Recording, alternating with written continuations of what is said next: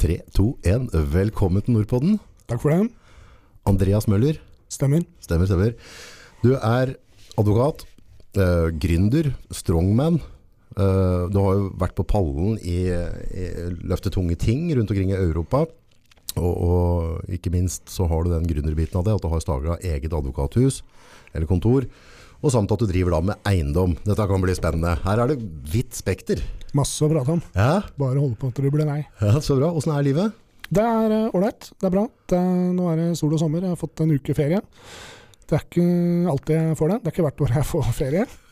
Så det, som jeg pleier å si sånn spøkefullt, at ferie det er for kommunister og offentlig ansatte. Ja, ja. Men eh, jeg uh, begynte å få litt sans for, eh, for konseptet. Så henne hender tar noen dager fri i romjula. Nå har jeg sannelig tatt en uke nå i Spania. Det var, eh, det var ikke så dumt, det, altså. Var ikke så dumt. Nei. Fikk du tjora til litt alkohol og vært litt klovn, eller?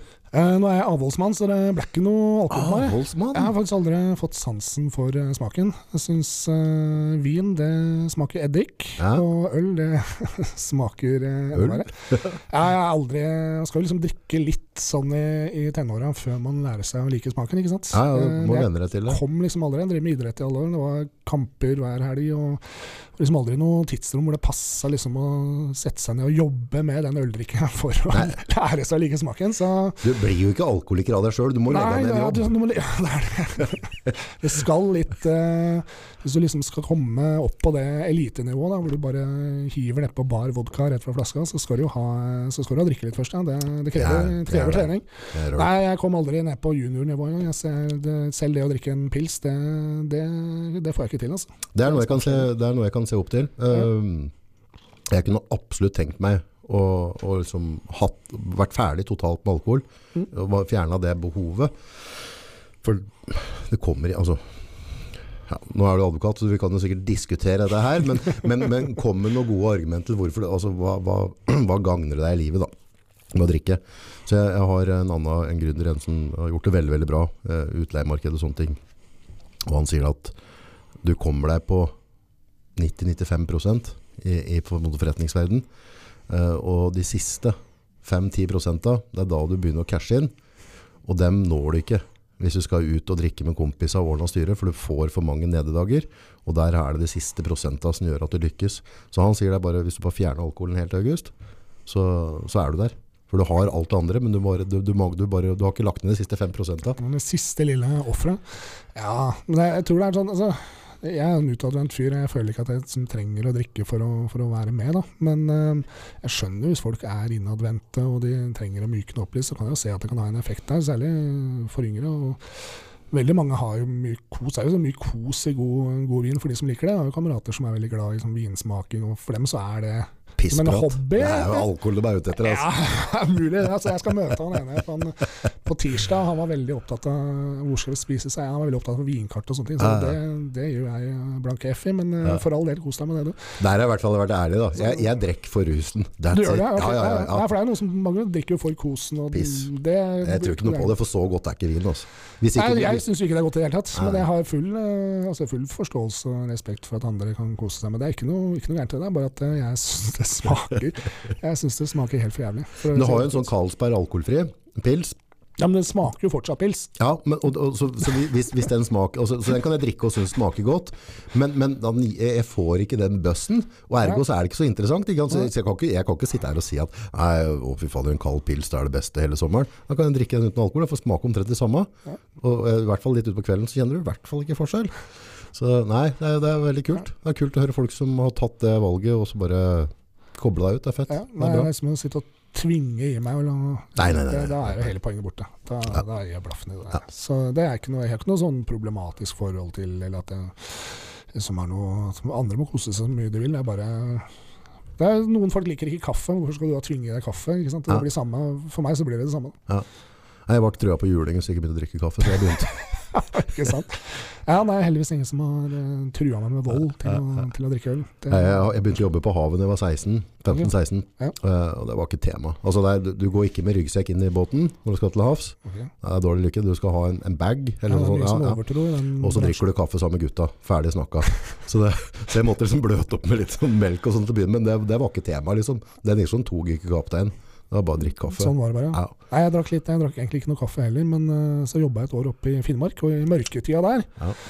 I mørketida der, så da, da måtte jeg ha et eller annet for å våkne, altså. Ja, ja. Eh, Det var eh, sterke lysstoffrør på kontoret, men jeg måtte ha et eller annet. Da, da lærte jeg meg å drikke kaffe. Det var rett og slett et sånn fysiologisk behov som Ja. følge av total mangel på dagslys. Men mørketida er ganske røff.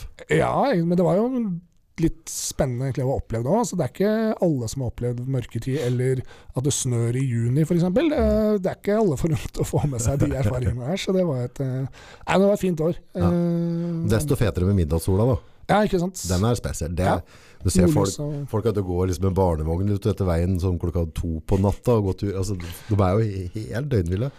Ja, nei, det var, eh, det var spennende. Så det var, eh, anbefaler alle å prøve det. Mm. Eh, bo, et, eh, bo et år i et, eh, i et annet miljø. Så jeg bodde jo i Lakselv, halvannen times cirka kjøring nord for Karasjok. Ja. Så når Karasjok blir et sånn søringssted, da veit du at da har du kommet langt nord. Ja, da har du kommet langt nord. Da, Ja, du kommer jo ikke særlig lenger. Det er jo nordøst. Så det er voldsomt. Ja. ja. nei, altså, det var eh, spennende. Spennende år. Stilig.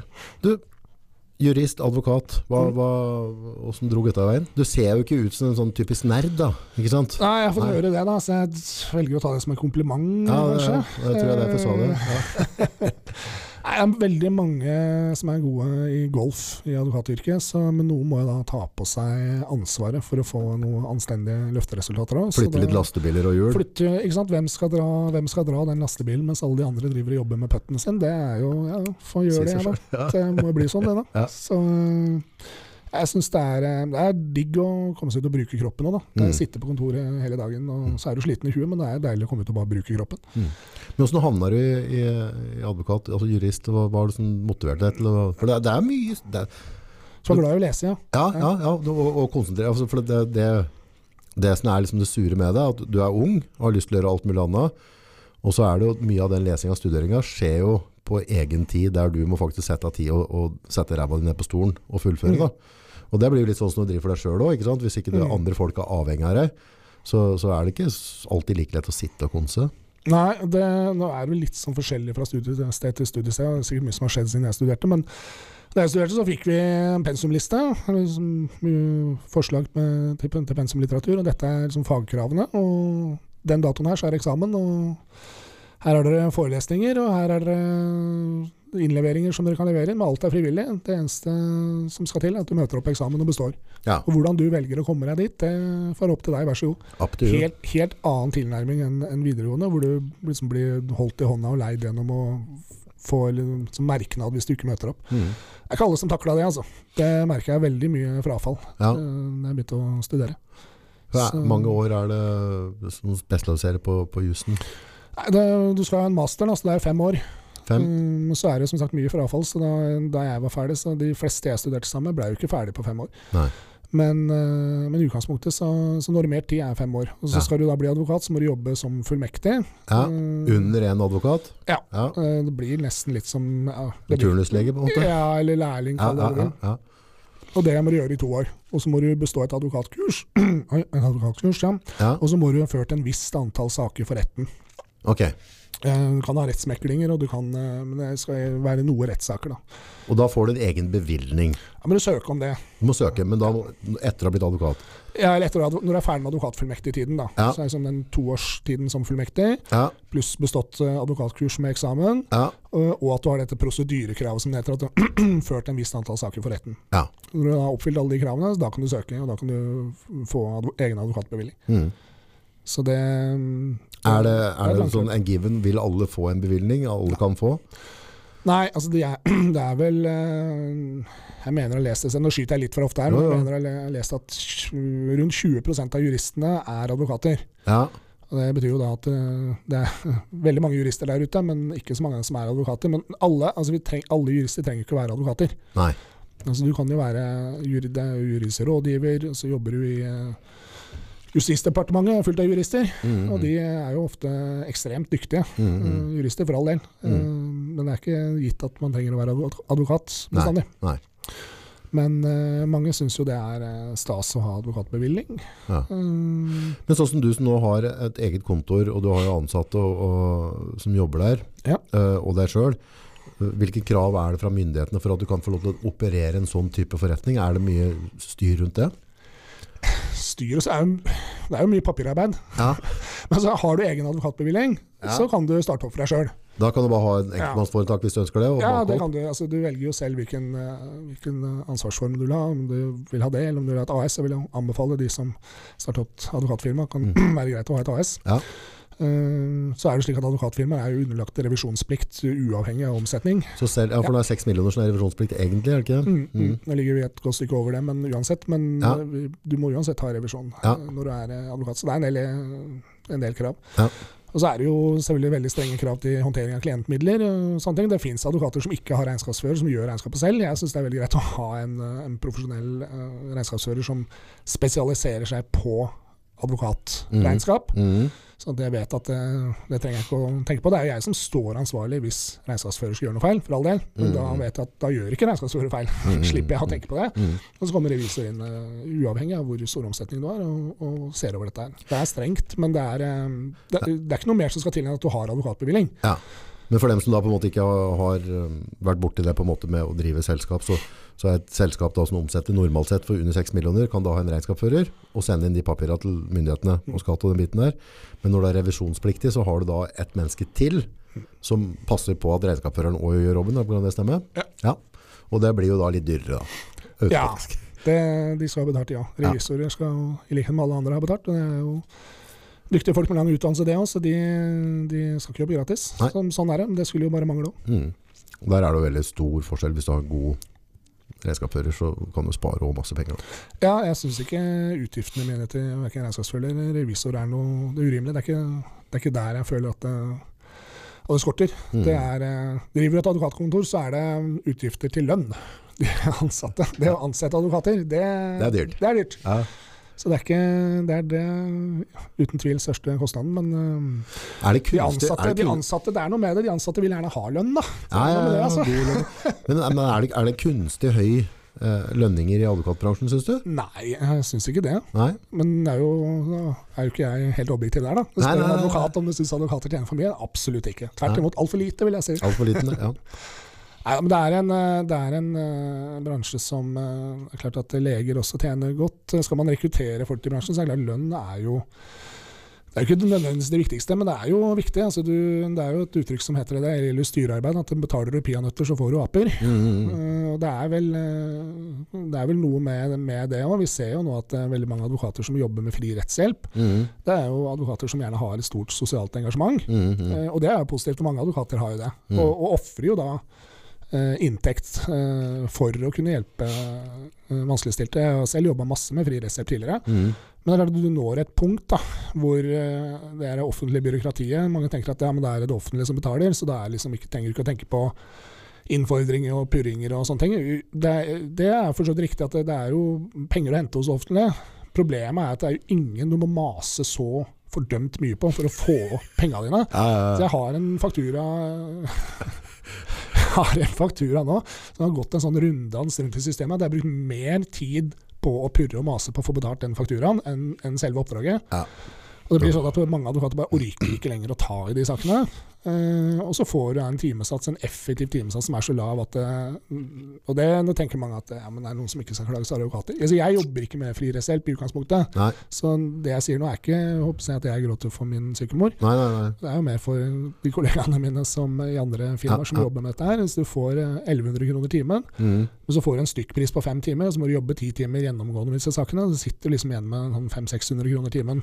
Eh, og så er opp til staten å vurdere om du skal få betalt over hodet, og plutselig avslå med søknad. Og, altså, det, er, det, er ikke, det, er det er ikke noe det er ikke noe automatikk i at du Pengene så bare på- velter inn av at du er advokat. På, så, på sånne type saker, da, så, så du får en estimert timesum. Altså, du, du, du får ikke betalt for mer enn fem timer, eksempelvis. Ja. Og, og, og så ønsker du å gjøre en god jobb, og hvis du da må legge ned tid, og appåtil å bruke tre-fire-fem timer etterpå for å få inn penger, så blir det dårlig da, ikke sant? Det er det det blir. Så det er fullt mulig å, å jobbe veldig mye for en uforholdsmessig lav eh, inntekt som Mm. advokat. Det er det. Mm. Uh, så det kommer helt an på hva du jobber med. Men det er klart at uh, jobber du med å rådgi Equinor om, uh, om skatt, da, Hvis du, er, eh, hvis du er spesialist på eh, kontraktsrett som relaterer seg til oljeplattformer, så er det klart at da, Da, da er jo det en helt fremmed problemstilling. Ja, ja, ja. Så det er klart at det er altså, det, det er, ja, men men, men det, det, det kommer jo også da litt på kunnskapsnivå. Altså, altså, jo høyere kunnskap du har, jo større verdi har du, og mer får du betalt. Da, hvis du har en, en kunnskap som veldig få har, da, Ja. og som i tillegg er, eh, har en høy markedsverdi, Ja. så, så sier det seg selv hvis du sitter med, med svarene som kan spare et firma for eh, flere hundre millioner i skatt, så er det klart at uh, Det, er, det er ikke noe tema. det Det, er ikke noe tema hvilken, om du tar eh, tre eller fire eller 5000 i timen da. nei, nei, Vil jeg, vil jeg tro. Jeg, Ja, har ikke, jeg har ikke satt meg inn i har akkurat det. jeg er ikke kommet der ennå. Så, nei, men for det er mange yrker som har egentlig så Jeg tror jeg har, tror jeg har um, Jeg filmer jo og lager sånn, så jeg har en tusenlapp i timen fra jeg reiser hjemmefra til jeg er hjemme igjen. Ja. Men, men det er klart, og da jobber ikke alltid fulle dager. Men, men så, sånn sett så Og jeg har jo ikke på langt nær gått på skolen sånn som du måtte gjøre. Ja. Så, så jeg har jo sluppet billigere unna på den måten. da. Så det er jo, alle yrker har jo forskjellig, men du må bare ha noe å bidra med. da. Ja.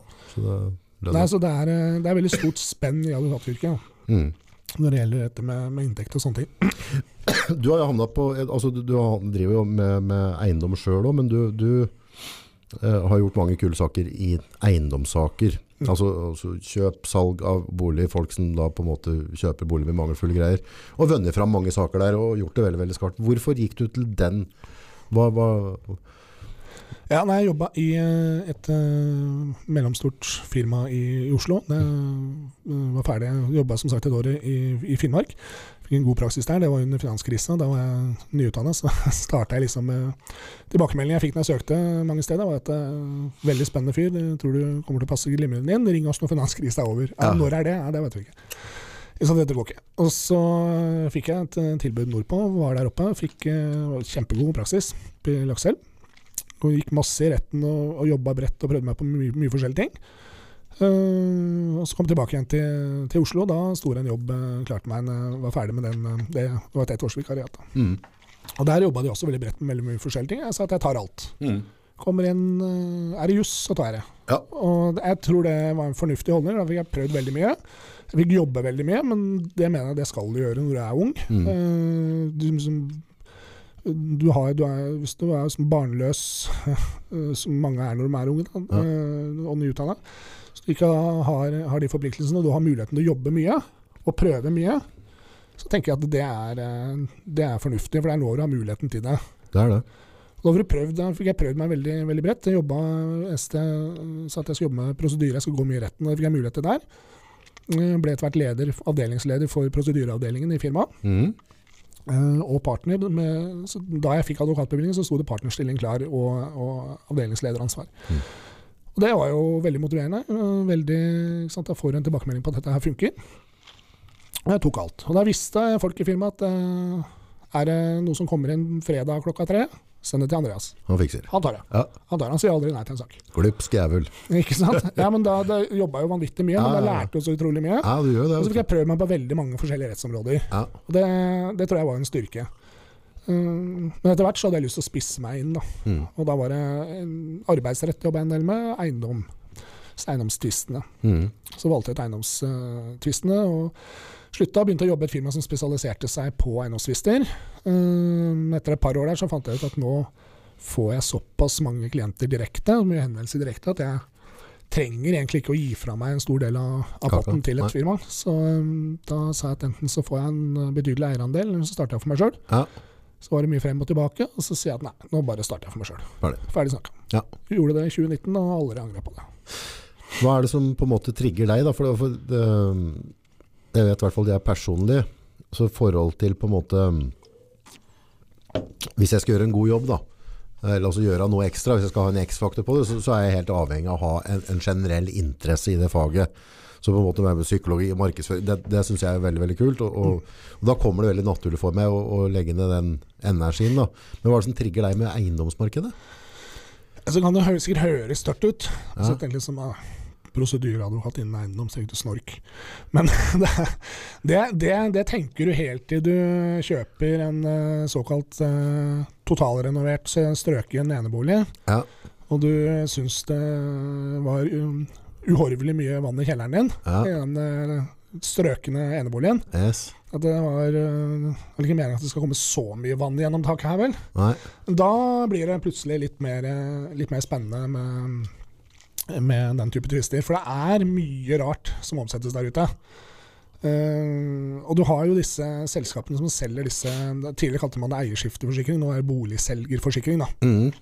Det er et mer presist navn, for det er jo boligselgerens forsikring. Dette er jo ikke det er jo ikke, det er en forsikring som er av og for selger. Mm. Um, og De advokatene som sitter der, de lever jo av å avslå alle krav og finne ut hvordan skal vi, hvordan skal vi nekte utbetaling til denne. Ja, ikke sant? Ja, ja, ja. Og, og det, det kan jeg stå for. At det, er, det er det de gjør. Det er klart det hender de tilbyr oppgjør. Jo, jo. Det, det skjer jo en gang iblant. Men eh, Men Jobben hos er å spare selskapet sine ja, penger. det er det. Og det er jo det inntrykket man sitter igjen med. Det har vært mye fokus på den delen av, forsikringsbransjen. Både på sånne TV2 hjelper deg, Brennpunkt, altså de, disse forbrukerprogrammene på TV. Og massevis artikler i, i avisene. Og Forbrukerrådet lagde jo også en egen rapport.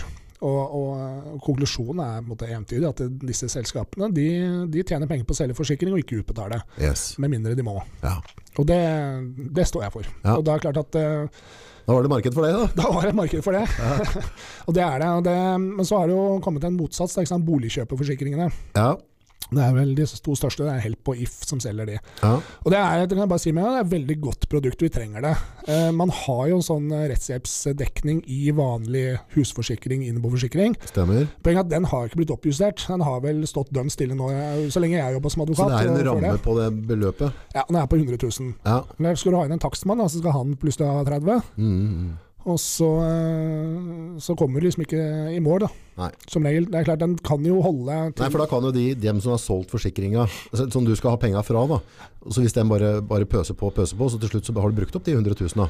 Og så, Ja, så kommer du fader ikke videre, ikke sant? Nei, og det er klart, det, det holder i hvert fall til eh, det holder i hvert fall til utenrettslige forhandlinger. Mm. Eh, Som regel hender vi tar over saker, og så ser vi at advokaten har tømt tekninga, så det nesten ikke skjedd noe. Det, det er grenser for mange brev man skal sende frem og tilbake som regel, hvis ikke det er noe bevegelse. Mm. Eh, Men du kan ikke, hvis du har en stor sak, og du må skrive en sånn stevning på 20 sider, og kanskje møtes du på en runde med rettsmekling og prøver å mekle, og så skal du ha rettssak etterpå. Så det, 100 000 er ikke i nærheten av å holde. Nei, Det- den, du, du kommer ikke i mål med det der. Nei, nei. Da må det være en sånn liten småkraftprosess. Og sånn, sånn er det bare. Ja. Så når de selskapene som selger eh, disse inneboforsikringene og husforsikringene, når de ikke oppjusterer det beløpet, og det har stått stille i flere tiår, så, så, så har man et udekket behov der. Og det, det var det noen uh, smartinger som så. Mm.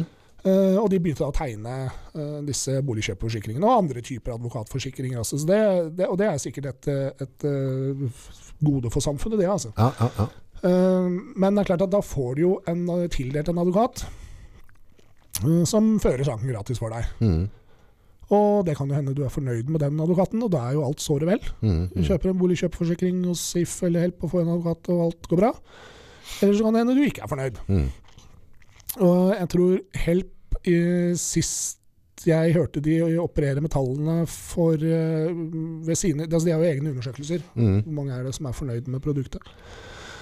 Og sist jeg hørte, så var det vel 78 som sa de var positive. Ja, ja. Det er iallfall ikke gærent. Nei, det er ikke gærent, men det betyr at det er 22% som ikke er det. da. Ja. Og de må da ringe til meg. ja. For det, det er det markedet vi tar. Vi tar de som av en eller annen grunn ikke er fornøyd Ja. og ønsker å bytte, Ja. eller som får beskjed fra advokaten sin hos Help eller hos If Mm. om at du har ingen sak, eh, vi syns ikke du skal få noe, eh, vi avslutter, ha det bra. Ja.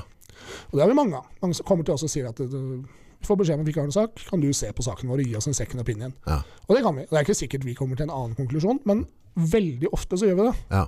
Det er forbausende mange som har fått avslag gjennom advokaten de har fått tildelt, Ja. som vi allikevel klarer å, å få penger ut av. Ja. Og det, og det er klart at det, det ryktet, det sprer jo seg. Ja, Det handler om å kjenne lusa litt på gangen. Og, for du, du opererer jo i Det er jo det som er det elskverdige med at du på en måte har spissa deg inn på et felt. At du Mm. blir rasende god på akkurat det feltet. Og det er, eh, så jeg hadde en sak som havna i Allerede i 2019 så hadde vi en svær sak eh, over hele Midtseier i Dagbladet.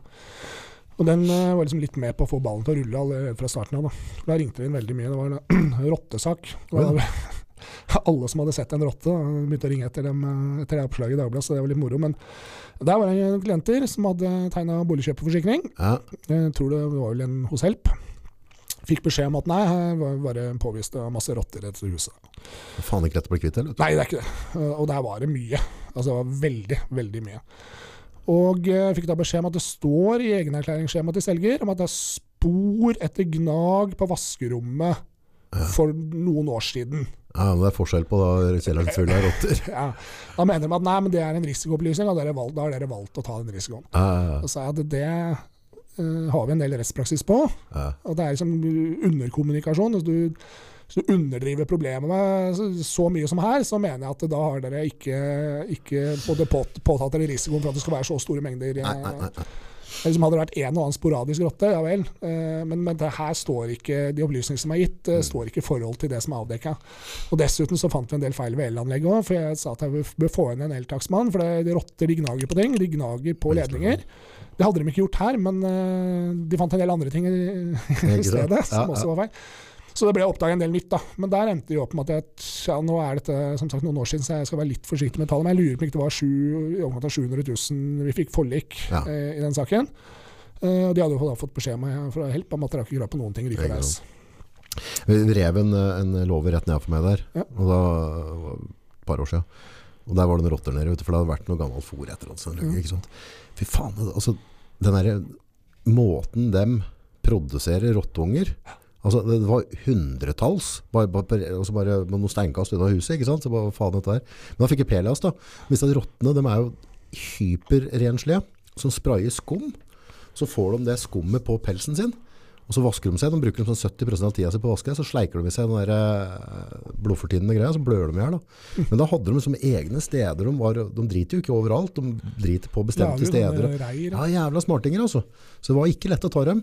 Så da Så, er de så glad i sånn isolasjon, ja, som tar all glavaen din, og så drar de fillebiter det, og så lager de reir, og så faen fælinger altså. ja, ja. Så det er eh, så det er sånn en type problematikk. Der, ikke sant? Så det- den sak i det var i Fredrikstad, der var det også boligkjøperforsikring. Og de tror de hadde fått et tilbud på noen par hundre tusen, eller ja, det så litt for Ja, ja. 400 000. Og da mente advokaten jeg burde ta slå til på den.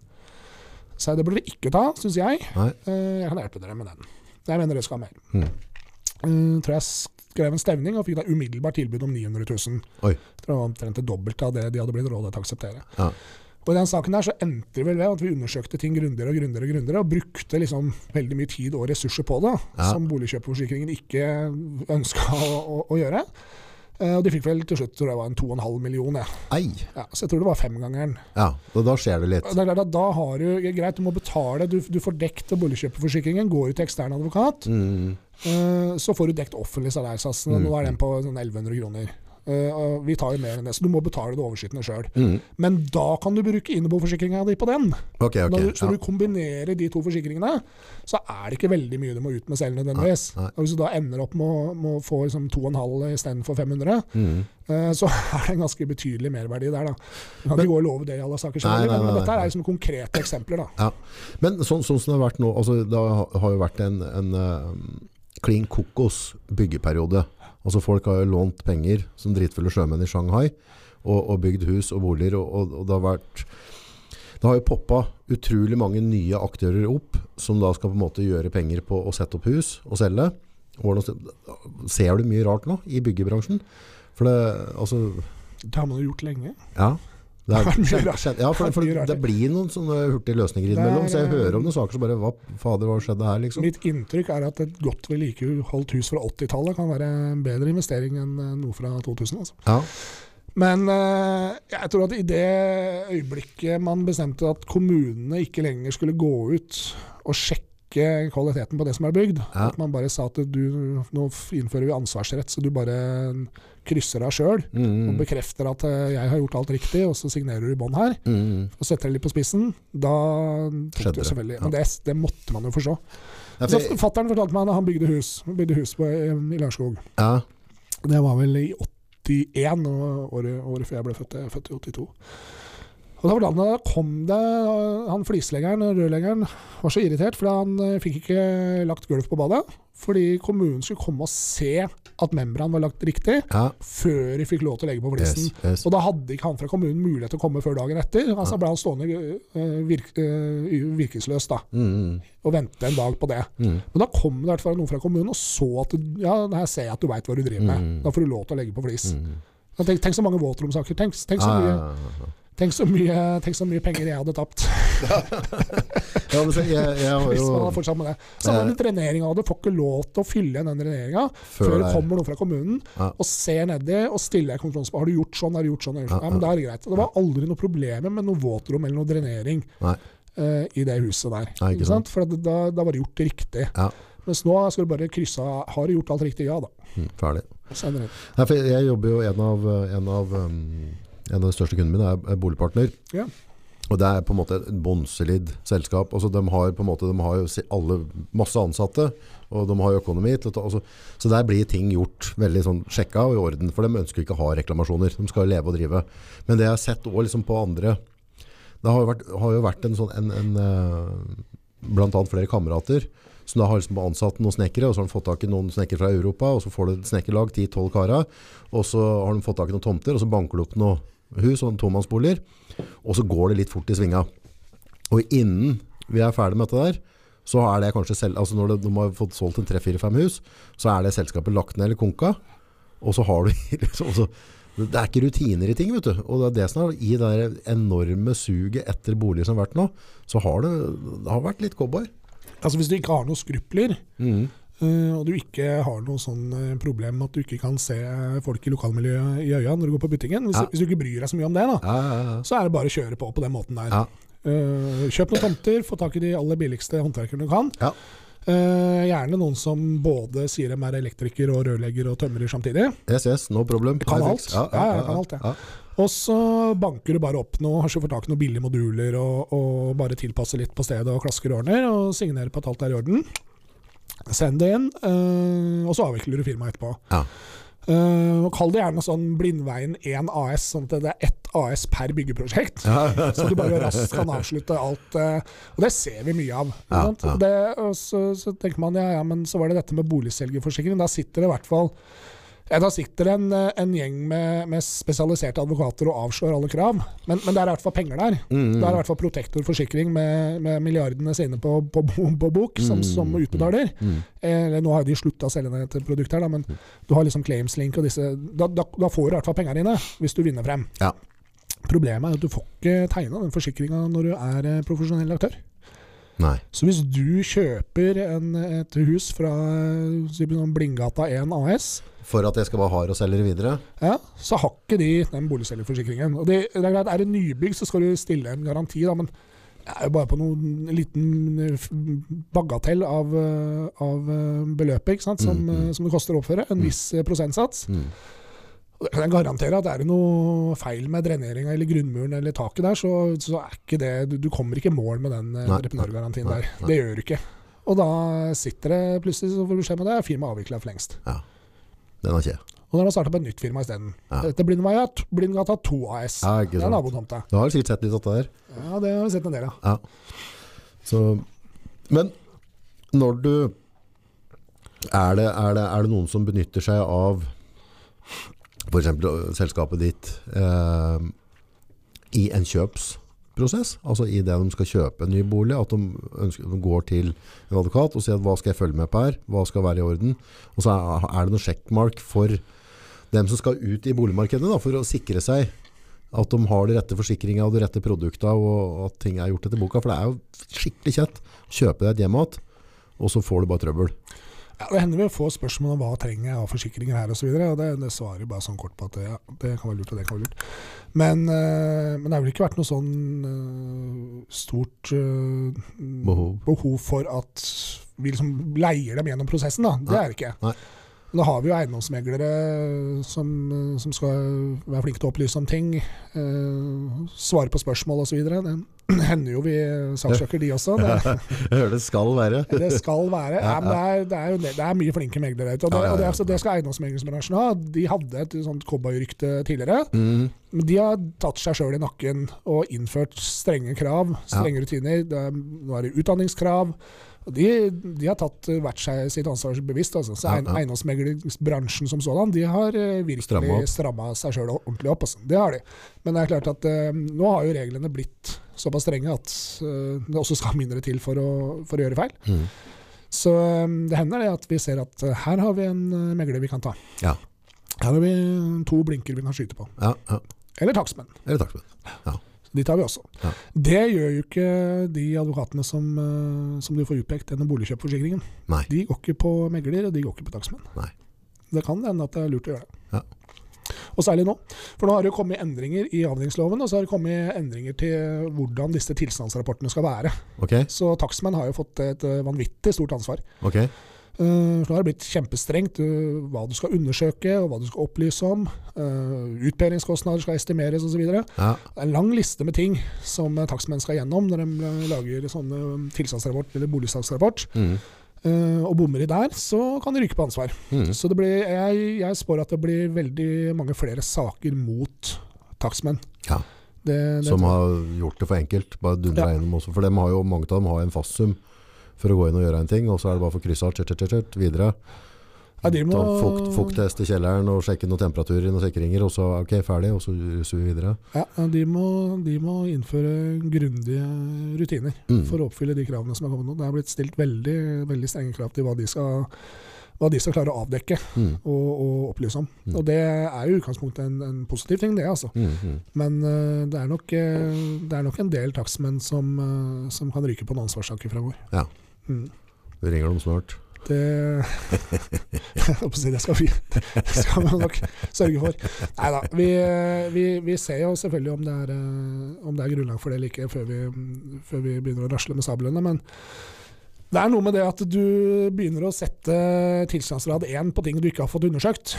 Sånne ting som det. Ja, Ja. Da tenker jeg at eh, da bør du kanskje la være å si noe om den uh, dreneringa hvis du ikke får undersøkt den. da. mm, Ikke mm, sant? mm. Eller i hvert fall si at uh, ut ifra det jeg kan se, så ser det greit ut, men uh, det er ikke mye jeg får sett. Um, så vi har noen sånne ansvarssaker hvor takstmenn måtte ha bare ha satt uh, kjempehøye tilstandsgrader og ikke gjort det god nok jobb i å undersøke ting. Ja, ja. Hvor de da har fått beskjed om at ja, men da skulle du ikke ha sagt noe heller. Og en uh, fin uh, lagmannsrettsdom hvor en takstmann hadde satt TG1 på et tak, og så sier han ja, men jeg skrev jo at jeg ikke har vært oppe på taket og bare inspisert fra bakkenivå. Så sier lagmannsretten ja, men da betyr det at du enten kan gi, gi en fullgod vur- vurdering ned fra bakken der, da, ja, eller så får du klatre opp, ja. eller så får du gi blaffen i å sette tilstandsgrad. Yes. Det har du ikke gjort. Nei. Vær så god, her er regninga for å fikse taket. Ja, ja. Sånn satt litt på spissen. Da. Ja, ja. Jeg har jo hatt noe, drevet som entreprenør tidligere og hatt noen maskiner. Så jeg har gravd opp mye gamle dreneringer og bytta ut og sånne ting, og sett mye forskjellige løsninger der. Ja. Og der er, altså, for det, I mange tilfeller da, så, så er det liksom sånn Kall det hobbyentreprenører. Og så så spesielt så har du jo eh, når du hadde de husbankshusa, alle ble satt opp med kjellere, men det var ikke innredda, og så ble kjellere innredda i etterkant. Er fin. Og så, og så og vet, sånn, sånn, fi- den filt, filtduken da, som er, brukes overalt. I utgangspunktet er jo det en, på en måte en duk som er for å skille masser, altså hvis vi skal legge en vei over et bløtt område, for at ikke da kult og sånne ting detter nedi. Og da har jeg jo sett liksom at de har lagt pukk rundt røra, og så har de tatt filtduken over den, og så har de fylt nedi eksterne masser igjen. Og det eneste stedet du ikke har vann, er i røra. For filtduka de tetter jo seg, så legger du finstoff på dem, så blir det tett som en potte, ikke sant? Så det eneste du skal bruke filtduken til med drenering er på topp, før du legger på matjord, at ikke matjorda går ned i bukken eksempel. Ja, ja, og blander seg. Ja. sånn, Og og så sett ikke at de spiker i pappen, da, veggpappen, plastikken på veggen, at den blir spikra da midt på pappen, i stedet for av den delen av pappen som er over bakken. Og så med to år så synker den nedover, så får du sånne lange, fine flenger hele veien. Så jeg blir sånn der, er det virkelig mulig, folkens? Liksom? Jeg har hatt en del uh, saker på det, altså folk som har innreda sett at jøss, her har vi en, en, kjeller, en råkjeller. Her blir det leilighet. Her, ja, her må det være mulig å tjene noen millioner Ja, med de, med de kvadratmeterprisene som er på primærrom her. ja, Og Så graver man litt ned, og så får man riktig takhøyde på dette her. Og så smeller man på noe parkett og noen varmekabler under den, og panel på veggen, og det ser jo strøkent ut, da. ja, ja helt perfekt. Og så så tenker du ja, men kapillært oppsug, Ja. hva er det? Ja, kapillært, nei, hva er det? Ja. Kjøpt parkett på Maxbo og satt i gang, ikke sant? Flytta du dreneringa da du gravde, ned, gravde ut kjellerne? Nei. Så den dreneringa ligger midt på veggen, den, da. Ja, ja. Det var ikke rart jeg ble til bånn. Er Drenering, på, drenering i hoftehøyde, og så har du kapillært oppsug i tillegg. ja, ja. Så Men- ligger jo det varmekabla og bader i vann, ikke sant. Men det også, når du skal drenere, og det, det er, synes jeg, altså, klart nå pukkprisen har gått opp litt, men, men utgangspunktet da, i stedet- altså, hvis du skal drive og skille masser og dra ned til gammel og sånne ting, hvis du, har, hvis du graver opp rundt et hus som er bløtt, for de skal lage kjeller, og så skal du ha alt det i orden, eh, så er det sånn derre jeg, jeg sparer 4000 kroner jeg, i pok, og så drar jeg, altså, altså, altså jeg hadde sånn regel, altså jeg har gravd det opp, og det er inntil husveggen, så er det knuste fjellmasser som går inntil, ferdig snakka. Jeg drar ikke noe av det, det, kjøres bort, og så putter det. For det er så små penger, det er, det er en drenering til 160 000. Skal jeg da liksom spare meg selv på 4-5 000 kroner, og så er jeg i fare for å få nakkeskudd ti år etterpå? Men hvorfor, hvorfor gidder folk? Jeg, ikke, jeg har jo sett noen eksempler hvor det liksom har blitt helt feil masser. og da har det en sak som jeg, førte ut på, eh, på Vestlandet. her, Og så, så står det liksom i rapporten at det, massene har på en måte Det, er- det, har, det blitt sånn hardpakka som sånn eh, leire. Så det nesten blir sånn der, eh, så det nesten blir sånn keramikk ut av det. ikke sant? Ja, ja, ja, løp, Så det, det, holder jo sånn at alt vannet renner inn. Men det er ikke noe som får rent ut igjen. Ut, det er Så det blir stående som et sånt basseng. Så byggegropa var som et sånn stort svømmebasseng. Som, som du kan, tenker å fylle en kopp halvfull med vann, og så setter du huset oppi der. da. Og så stor liksom, drenering hadde da funksjonen å holde vannet på plass mot husveggen. Så det sa jo seg sjøl at det hele kjelleren, da, som utgjorde jo ganske mye av husets areal, det var bare å liksom, rive helt ned til betongen og opp igjen. Og Det har vi noen saker i rettspraksis på, at gjør du drenering først feil, så gjør du som du gjør det verre enn om du ikke hadde gjort noen ting. ja, ja, bare la det ligge i stedet. Nesten, det har nesten Ja. vært, vært bedre. Og så blir det, får du den der eh, byggegrop som eh, fungerer som svømmebasseng-problematikken. Men for å få en forståelse, er du ute på, på anlegg, eller ute hos kunder og ser og syner noen ganger, eller er du Jeg sender en eh, bygningskyndig. Ja. Eh, som jeg jeg har eh, ikke noe sånn eh, byggerfaring. Jeg har aldri og ikke er jeg noen sånn eh, hobbysnekker heller. Nei. Jeg kan sette sammen noen Ikea-møbler hvis jeg er heldig, så ikke jeg får det komplisert. Hobbysnekkere lager og mye saker til deg? Ja, det er det de gjør, og det er, det er bedre. Så det beste jeg veit, det er eh, Det er folk som eh, har sett på YouTube og, og tenker at her skal jeg få til sjøl. Ja. Folk som har meget i sløyd, og ikke noe mer enn det. Det er det beste jeg vet. Du kommer inn i huset, så er det, det, det er tre for, altså, Dens du har det nivået, så har det det nivået på kjøkkenet, og så har du og så det har liksom fire nivåer før du har gått liksom ti meter i huset. Da vet du at her er, det- her er det en som kunne snekre, så de har bygd på litt, og så bomma litt på høyder. Og nei, Ja, nei, det er en del sånne hjemmelagde løsninger som er eh, Men noen er mer, mer provoserende enn andre. Når folk begynner med elanlegget sitt sjøl, da kan jeg få lyst til å gi dem en ørefik. Altså. ja, den er litt drøy. Det er ikke så moro når du Nei, det kan hende i drap, ikke Ja, det er, nettopp, det er ikke så moro når de som kjøper hus her, eh, brenner i hjel. Eh, Men, eh, men ellers er det mye sånn. Men vi, vi sender inn takstmenn. Mm. Vi har etter hvert fått ganske greit overblikk over, over dyktige takstmenn rundt omkring. Ja. Og det kan man også bruke nettverket sitt på. ikke sant? Trenger god takstmann i det området, det området. Mm. Hvem kjenner du? Hvem anbefaler du?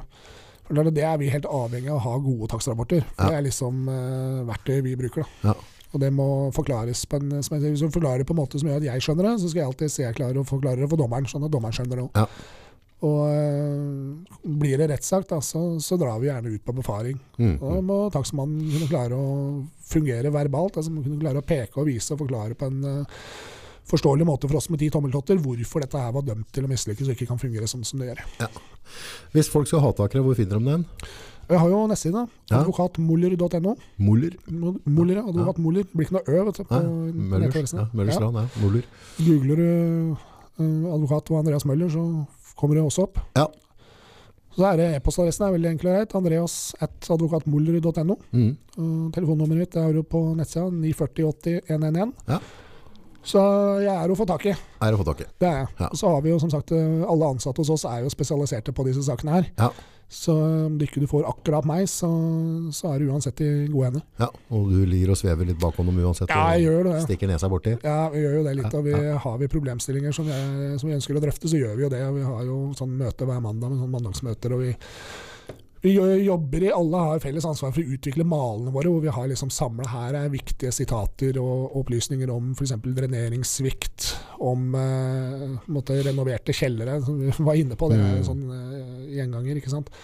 eh, rotter og sånn, den type problematikk. eh, misbruk av, eh, av disse levetidstabellene. Det, det kunne jeg satt en egen podkast om. Ja, For det var eh, Vi har jo tid til å ta en liten en på den. ja kjør, kjør. kjør. Ja. Det var- Det var eh, Jeg skal ikke nevne. Jeg veit hvem de advokatene er hos. Ja.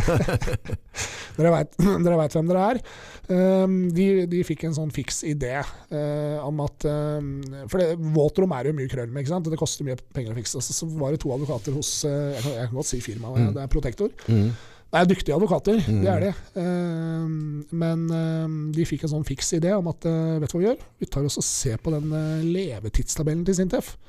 For de har lagd en levetidstabell. Yes, yes. Lenge skal en drenning holde, lenge skal diverse. Det, det, det ikke alle vet, er at den levetidstabellen den fikk den utforma Sintef på oppdrag fra Statsbygg. Fordi Statsbygg sa det at hør her, vi bygger jo eh, en del eh, Det blir en del kvadrat her. Mm. Eh, og så skal jo dette her f.eks. leies ut da, ikke sant, til kommunen og det fylkeskommunen til, og så videre, og så videre. Så mye av dette her går på utleie.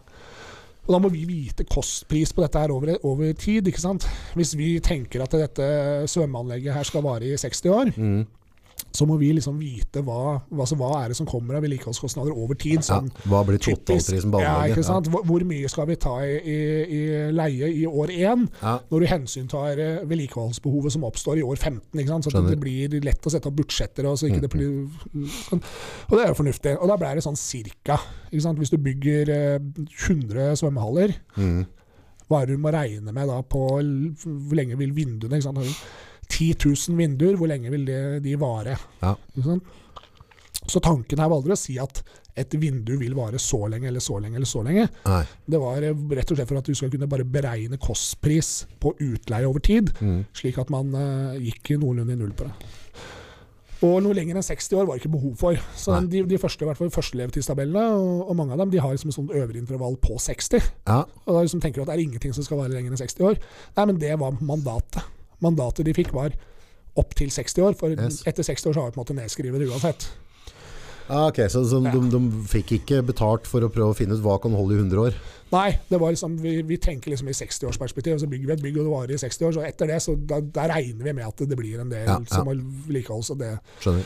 Det var nå en gang, i hvert fall det Statsbygg sa, da. Ja. At det opp til de neste 60 åra fra bygget står ferdig, og de neste 60 åra hva er det vi må regne med. Ja. Liksom, hvor lenge varer gulv, hvor lenge varer tak. Og så satte de seg fore, da. Og dette her ble veldig omtrentlig og veldig sånn gjennomsnittlig. Men så, eh, så finner jo da disse to advokatene hos Protektor ut at eh, vent nå litt, her står det jævlig mange bygningssteller nedover. Og så står det lav, middels, høy intervall. Mm. Og så på mye som går, altså Våtrom er delt opp i forskjellige bygningsdeler, for all del, men veldig mye av det så, så var liksom 20, 40, 60. Ja. Og da argumenterte de på følgende måte. Bygningsdelene på våtrom her, veldig mye av det, lavt intervall 20 år. Så argumenterte de og sa det betyr at når du som boligkjøper kjøper et eh, hus som er eh, ti år gammelt, Ja. så må du regne med at badet ryker i løpet av de neste ti åra. Da må du regne, for da er du innenfor, Mm. innenfor det intervallet hvor det er påregnelig at badet ditt ryker. Mm. Og så fikk de medhold i det. Og det sa han ene advokaten som førte denne saken, at vi fikk jo vi fikk helt sjokk. At vi fikk medhold på det der. Da hadde vi, vi hadde ikke noe tro på det sjøl engang. Vi tenkte det er verdt å prøve. Ja, Ja, prøve å se. Ja.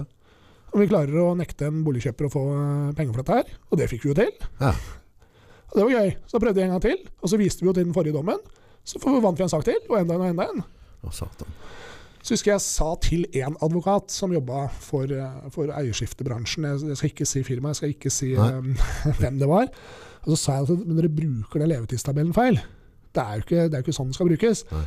Og så ser han på meg, altså Dette var jo et, i et sånn sosial sammenheng. Da. Det var en lunsjpause i noe sånn kursing.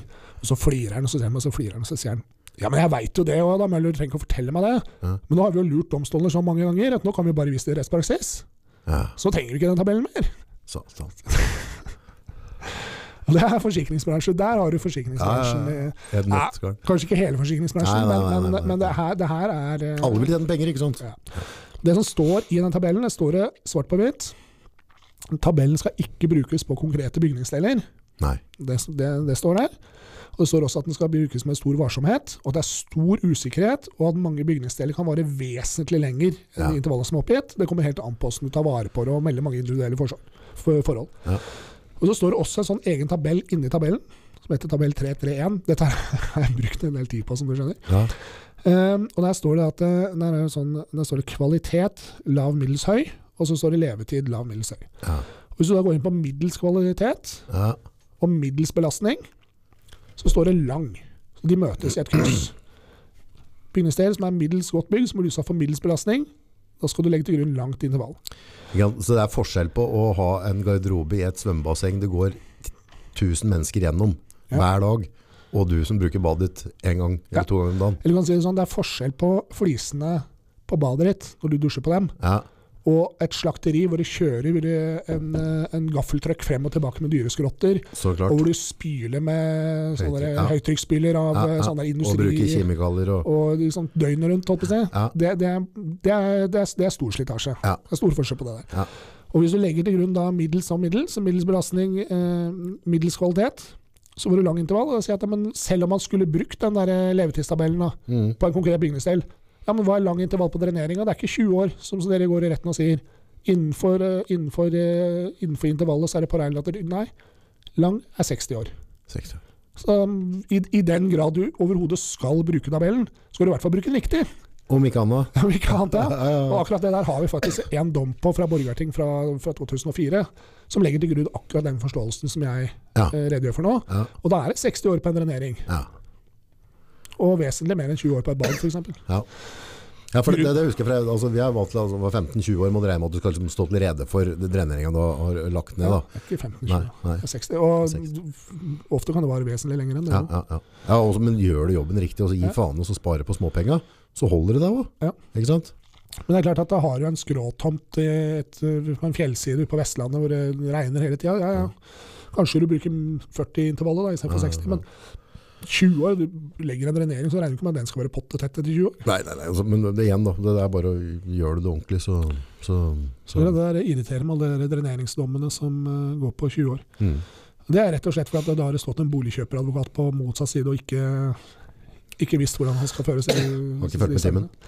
Nei, og det er jo lett å bli overbevist altså når det kommer som en, en, en, Ja, ja, Sintef en advokat og smeller i bordet med levetidstabell fra Sintef og viser Ja, og peker, og kanskje har et par-tre dommer som legger til grunn samme forståelse, så, så skjønner jeg jo det. Men det er jo nettopp derfor man skal, eh, man skal spesialisere seg. og Gå til en spesialisert advokat. Mm. Mm. Kult. Du, vi må, vi må trene, trening. Vi må trene? Ja, må, nei, ja, jeg bør trene. Du er jo trent, så det er verre med meg. Men, men uh, trening, når, er det, når gikk det galt? Mm. Når, når, når, når er det tussa seg for det, og du måtte begynne å løfte tungt? Ja, sånn, ja. Nei, Det er jo en har mental lidelse, dette der. Ja, det var det det var, ja. Nei, jeg har jo trent uh, hele livet. Jeg begynte å spille basket da jeg var liten. Og drev med det, så løfta vi litt vekter og løp mye og gjorde mye forskjellig. Ja. Men så fant jeg ut at jeg hadde lyst til å prøve å spille amerikansk fotball.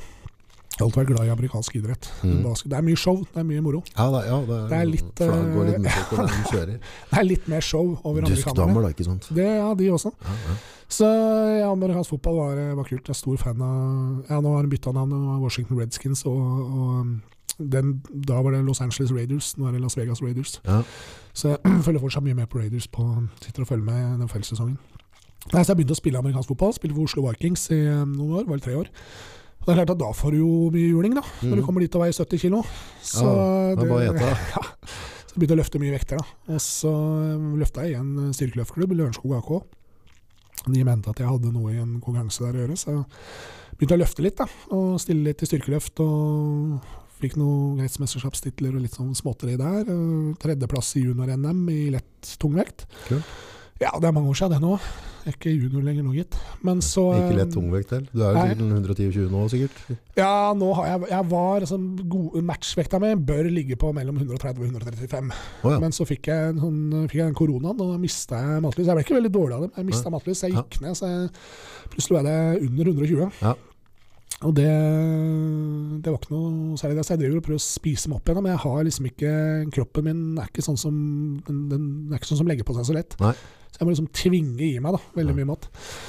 Så jeg jobber med det, nå. Da. Prøver å få, få vekta litt opp igjen. Ja. Så det er liksom en unnskyldning til å trøkke nedpå med, med karbohydrater og Spiser du, spiser du grisete, eller eh, klarer du, spiser du Jeg det? ikke, ja, jeg er ikke så veldig glad i, i veldig feit mat, faktisk. Eh, så jeg, men jeg er ikke noe Jeg er ikke kroppsbygger ellers. Jeg ikke sånn, men jeg prøver å si, si kjøtt eller produkter med under 10% fett. Ja, Det er liksom kjernen i kostholdet. ja, Så jeg kan spise kyllingpølser, akkurat 10 fett. ja. Eh, koteletter, det holder du deg unna. Eh, indre- og ytre filet, det er bra. Eh, det, Vanlig mye kylling. Ja. Mye kylling er bra, men ikke alt. Så er det ris, poteter, pasta. Eh, kjøpte meg, eller jeg fikk i bursdagsgave sånn air fryer, og den er jo genial. ja den var kjekke. Da, da blir du kvitt en del av fettet òg. Ja, og Så kjøper du en sånn der pølse da, med sånn svin ytrefilet, og så kapper du den opp. Ja. Og så røst i poteter, slenger du dette oppi, smokker den inn i 20 minutter. Så litt eh, salat og sånn ved siden av. Det er snadder. Når jeg trimmer også, er det motsatt. Jeg, jeg spiste øh, mye fett. Ja, Og, lite karbo. Mindre karb. Så, Spiste masse karbohydrater. Ja. Å gud bedre. Heller nedpå med jus. gjør det? Ja, men altså, du kan ikke bare, altså, du kan ikke bare spise proteiner. Nei, nei, nei. Da må du velge da, fett eller karbohydrater. Ja, ja. Jeg funker bedre på karbohydrater. Så, eh, Veldig individuelt. der. Noen ja. klikker bedre på det ene og andre. Jeg har så- prøvd begge ja. deler. Jeg spiste, prøvde å spise mye fett og lite karbo, så ble jeg veldig sånn hard i kroppen, mista mye vann. Ja. Så Ja, det- jeg skjønner jo at byggere, kroppsbyggere og sånn, at de gjør det. For jeg så jo at du, kroppen slapp jo veldig mye vann, så jeg ble veldig hard i kroppen av det. Men Det jeg liker med å spise feitere mat, er at jeg trenger å spise mindre da. Ja, den Altså, ser jeg. skal du karbe, Mer altså- kaloritett. Ja. Ja, ja for det, skal, du, skal, du, skal du spise ren karb, da, poteter eller ris, så, så kan, du må banke inn på et kilo og halvannen om dagen hvis det skal skje noe. ikke sant? Altså, Hvis du ikke skal jukse så mye med, med Red Bull og, og Snickers. Ja, ja. Så, så, så det blir voldsomme mengder mat. Det blir mye tygging. Ja, det gjør det. Altså, ett gram fett er ni kalorier, ett gram karbo fire. Så det, det, jeg ser den. Men eh, i hvert fall greit å ikke få i deg raske karbohydrater med fettet, for da får du karbohydrater kjører insulinet opp, og Ja, så lager du mer av fettet, og Ja. så får du plutselig en veldig sånn oval fasong før du vet ordet av det. I hvert fall den lokale snekkeren, han som har uh, M i sløyd og begynner å snekre kista di først som sist. Ja, altså, Det er greit å ha litt sånn helseperspektiv på det, men uh, da tenker jeg at uh, okay, kjør på med karbohydrater, da, i hvert fall. Mm. Og masse proteiner. Og så litt mindre på fettet. Hvor Mye karb får du deg i løpet av en dag hvis du skal spise deg opp. Nei, det, og det er en av de fine tingene med å drive med som strongman og styrkeløft Mm. istedenfor kroppsbygging, at jeg trenger ikke å telle. Altså, jeg bør døtte i meg så mange Det du klarer. Ja, ja. Det jeg får til, det får jeg til. Du har ikke måla innimellom for å ha litt sånn Nei. nei, jeg har ikke det. Jeg skal pff, tippe 6000-7000 kalorier, kanskje 6000 kalorier. Kanskje. Ja, da spiser du bra. Det er jo en del. Altså, jeg spiser jo er mye, da. Godt. Men jeg klarer liksom ikke å trøkke meg. Jeg, prøvd, jeg liksom har prøvd å tvinge i meg litt mer, så får jeg en fort mageknip, da. Mm. Så er jo det Ja, men altså, når, når, når, når det går over 5000 kalorier om dagen, så for folk som ikke har prøvd på en måte å spise mengder med mat, da, i hvert fall hvis du, hvis du jobber litt at du spiser ganske ren, god, sunn mat, så det er tull. Altså, sånn som jeg spiser ganske sånn normalt sunt nå, og, og jeg sliter med å få med 2000 kalorier om dagen. Ikke sant? Så, så, og, for det, det er jævlig mye mat. Hvis du dropper, eh, dropper Mackeren og Burger King Ja, ja. og, og Ben Jerry's og sånne ting. Ja. Jeg prata med en strongman som var han, han var ganske hard i kroppen, jævlig stor. Og så spurte jeg liksom, hvordan var det du spiste og, og du holdt på å være på topp, for han var jo eh, helt i norgestoppen. holdt på. Han sa nettopp at jeg spiste jo på Mækkern i hvert fall. Så tenkte han seg litt om. I hvert fall én gang om dagen. Så, Ja. å, jeg tenkte jeg skulle si en gang i uka. Eller. I Ah, hvert fall en gang om dagen. Da. En, det kunne bli mer òg, tydeligvis. da. ja, ja. Ja, minst én gang om dagen innom Mækkern. Jeg hadde jo en periode da jeg var yngre, når vi trente. Jeg var jo litt med på Strongman-opplegget, men da, da når vi skulle prøve å legge på oss når jeg var yngre, men da hadde jeg også en høyere forbrenning. Da, da vet jeg liksom at jeg banka meg at en liter med vaniljesaus før jeg la meg sånn. Så, Det, det er ikke så dumt, du skal ikke kimse av vaniljesaus. ja, du får jo kalorier så det Men det, smeller, er lite, det er lite fett, forholdsvis lite fett. Ja. Man tror, jeg trodde det var kjempemye fett i det, men det er ikke det. Det er veldig mye karbohydrater. da. Masse, masse. Og så er det litt sånn tjukt, så det, det, ja, Mett, det, føles, det føles bare riktig. Det er bare ålreit.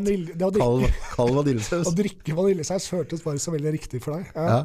Så, Ja, ja, nei, vi drev med jævla mye sånn dumt. Jeg vet ikke om du har hørt han Bjørn André her noen ganger? Ja, han er ja. en morsom fyr. Ja, og, så han, Utrolig sterk, eh, veldig sterk fyr, og Ja. Utretta utrolig mye. Og så er det en jævla artig Ja, type. det altså. Så, han er jo noen år yngre da, så han begynte jo da jeg Vangen og vi drev trente på, på Tom, ja. Tom Vangen. Det er, det er gutten sin som kan presse benk. Det. Ja, han dytta to, fy når Calvin var oppi her. Han, jeg begynte, han Calvin, en amerikaner, han, jeg, var, bodde et år i Thailand, og så trente jeg en del der.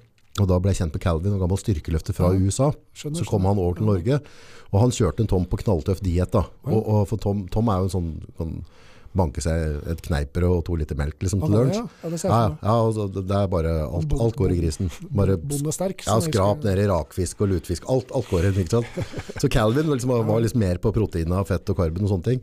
Da tror jeg han uten skjorte hadde to 272,5 kilo Ja, nettopp. Ja, for Tom er jo helt, eh, helt absurd i, i særlig pressøvelse, skulderpress. Ja, ja. Jeg har en, jeg har sitt, altså sittende militærpress har jeg kjørt en femmer på 120. Ja. Og Jeg synes det, er ikke så mange som tar femmer på 120 kilo. I, i sittende, men jeg, jeg tipper at uh, Tom knuser vel den rimelig lett, vil jeg tro. Men Bjørn og presset Ja, men Bjørn hadde jo norgesrekorden, eller har vel fortsatt det, norgesrekorden i stokk. Klart, ja. Jeg tar over 200 kilo over huet. Det, når hun der som sitter og trykker her nå var lita, kanskje et år eller to, så hang hun med, med bleia og var med rundt på gymmet hun òg. ja, ja. Da vet jeg, det er- ligger på YouTube, da tror jeg Bjørn var første gang han presset var 180 i, i militær. Og da når han var på tur ned, så glapp han, så han gikk i stativet. Da ser du hun sitter med sånne store øyne bare og ser Altså For å sette ting i perspektiv, da, Sven Karlsen, eh, legenden, Ja, fy fader. han hadde jo verdensrekorden i, i så mangt, holder på å si, men Ja, ja. blant annet i stokkpress. Han hadde vel, da var han vel på ja, Nå kommer, kommer Sven til å ringe meg og kjefte på meg hvis jeg sier feil, men jeg tror det var 185. Ja, Så får du, får du slå på tråden etterpå, selv hvis jeg, hvis jeg tar feil. Hvis han har løftet meg. Men jeg tror det var 185. Og det er klart at eh, når Bjørn André da har 200, mm. så sier det litt, fordi eh, som sagt, Sven var Altså, Sven var jo verdens sterkeste mann. Ja. Eh, bokstavelig talt den sterkeste mannen på hele planeten. Og han Yes. tok 185 i stokk, og Bjørn André har tatt 200. men, men på den tida Sven var og verdens sterkeste, så, Ja. så du hadde jo du hadde Sven Altså, det var jo veldig mye kule eh, utøvere da, og mye sterke utøvere. Så det var jo på en måte På verdensmessig så, så var liksom strongman Dette var liksom etter Kasmeier har gått litt av, og, og greia, men det er en vanvittig, vanvittig vanvittig ting å klare å få til å bli verdens sterkeste mann. Ja. Og det, det var ikke dårlig koppel han eh, konkurrerte mot da. Det var mye bra aktører på, Ja, på markedet. Altså. Det, altså du skal ha trent litt for å slå, eh, for å slå de gutta der. Altså. Ja, ja, ja. Det, det Magnus Samuelsson og, Magnus Samuelsson var det jeg skulle si, ja. ja. og han øh, har noen video, han markløften til han Yuko Ahola. Han står og rapper med 360, som er ganske Det er klart at så kommer jo, kom jo Eddie Hall da, og tar 500 i mark. Ja, ikke sant? Ja, ja. Da lurer du på liksom, hva er det jeg har drevet med i alle disse åra. ja, ja. Jeg har uh, Persen min i mark er for øvrig 320. 320, veldig bra. Ikke så, ja da, det er ikke så, men, jeg, men eh, skulle gjerne hatt mer. Altså 350 er jo et fint tall, men det, det står liksom dønn stille uansett hva jeg gjør. Altså. Jeg får liksom ikke opp den siste. Men eh, kanskje, det er, eh, det er, kanskje det er den vaniljesausen som mangler. Det er det. Jeg har, Det jeg har det gamle trikset, skal finne fram gamle boka. Send meg den uh, kokeboka di. Men det folk skal være klar over, når, når, altså markløft er jo en, en fantastisk øvelse, men jeg, jeg liker å si dem sånn, altså, ikke alle da, men, men veldig mange kan komme seg til 240, kanskje 250 i mark. Men derifra oppover, så skiller du virkelig klin fra veta, for én ting er på en måte å, å klare å dra 200-220, og kanskje være veldig seriøs en år, kommer jeg på 240-250, men dere gutta som da vipper over 300, altså det, det er forskjellen fra 150 til 220 er veldig, veldig liten kontra fra 250 til 320. Altså det det er et hav opp der. Det, det jeg må bare si, jeg lar meg imponere når det, stanga bøyer seg og, og det trekkes over 300 kilo fra gulvet. Også. Jeg hadde 330 over knærne, og når jeg først har fått den over knærne, så pleier det ikke å stoppe. Men da skjedde det et eller annet. Jeg litt sånn nappa litt, og så glapp den. Ja. Så tenkte jeg ja, men da drar jeg neste gang. Men det har gått, det har gått noen år siden jeg fortsatt ikke har fått opp den på 330. Så den er litt bitter. Ja, men markløs er jo en mental greie, for innimellom så får du noe sånn du, du kan få en sånn mental, mark og bøy. Veldig fort å få mentalsperrer der. Og så bare, altså den 330-en, altså, al- al- al- at det henger seg. Som er med knebøy, så har med drakt og bind, så Mm. legger du på så voldsomt mye mer enn det kroppen i utgangspunktet tåler. Ja, Og da får du den der fight or flight-reaksjonen, at kroppen får panikk ja, og bare vil vekk. Og så må du liksom tvinge deg sjøl til, til å bøye deg ned. ja. Og så kommer du til et punkt hvor drakta er så stram og, og knebindene er så stramme at du, du klarer ikke å, å komme noe dypere uten at du da begynner å gjøre dumme ting som å krumme ryggen eller skyte knærne frem for liksom prøve å, å komme deg ned når det egentlig butter. Ja, fordi det er for, ja. for, for stramt. Så akkurat den knebøyen er eh. Styrkeløftknebøy er, det er noe helt annet enn eh, enn det å så trene knebøy med, med bare belte og Mm. Og, jo, ikke noe mer enn det. altså. Det, rå knebøy er noe annet enn det å løfte med utstyr. Ja, ja, ja, Så det er mange som tenker at liksom, er folk som løfter liksom 400 knebøy og sånn, Ja, men har på seg stramme drakter og stramme bind og sånn. Det er, eh, det, det, du skal, For det første skal du ha på ganske mye vekter for å klare å treffe dybden ordentlig. Og så, Mm. og så er det det som sier, det er det mentale med å legge på liksom 50-60-70 kilo mer enn det din egen kropp egentlig tåler. Ja, for, for det, å, det som er sannheten er når du har dette på skuldra, og og du går ut av stativet, så, så har du de kila på skulderbladet, og du får den kompresjonen i ryggraden, og du kjenner i kneet. Altså, eh, og den, den du blir du redd av, og så skal du faen meg sette Og så skal du begynne å jobbe med det. Ja, den er, eh, er tøff. Altså, jeg kjøpte, gå ut med det. jeg kjøpte jo en ny drakt nå, for den, den forrige ble for stor etter den har gått ned så mye i Ja. Jeg kjøpte en stramme, og den var jo helt stram. Men jeg skulle begynne å løfte med den, da, Den la jeg på, jeg tror vi var på 3,20 eller noe sånt nå i, bøyen der. Jeg kom ikke så veldig dypt ned, men, nei. men jeg merker at den, den dro jo på en litt annen måte.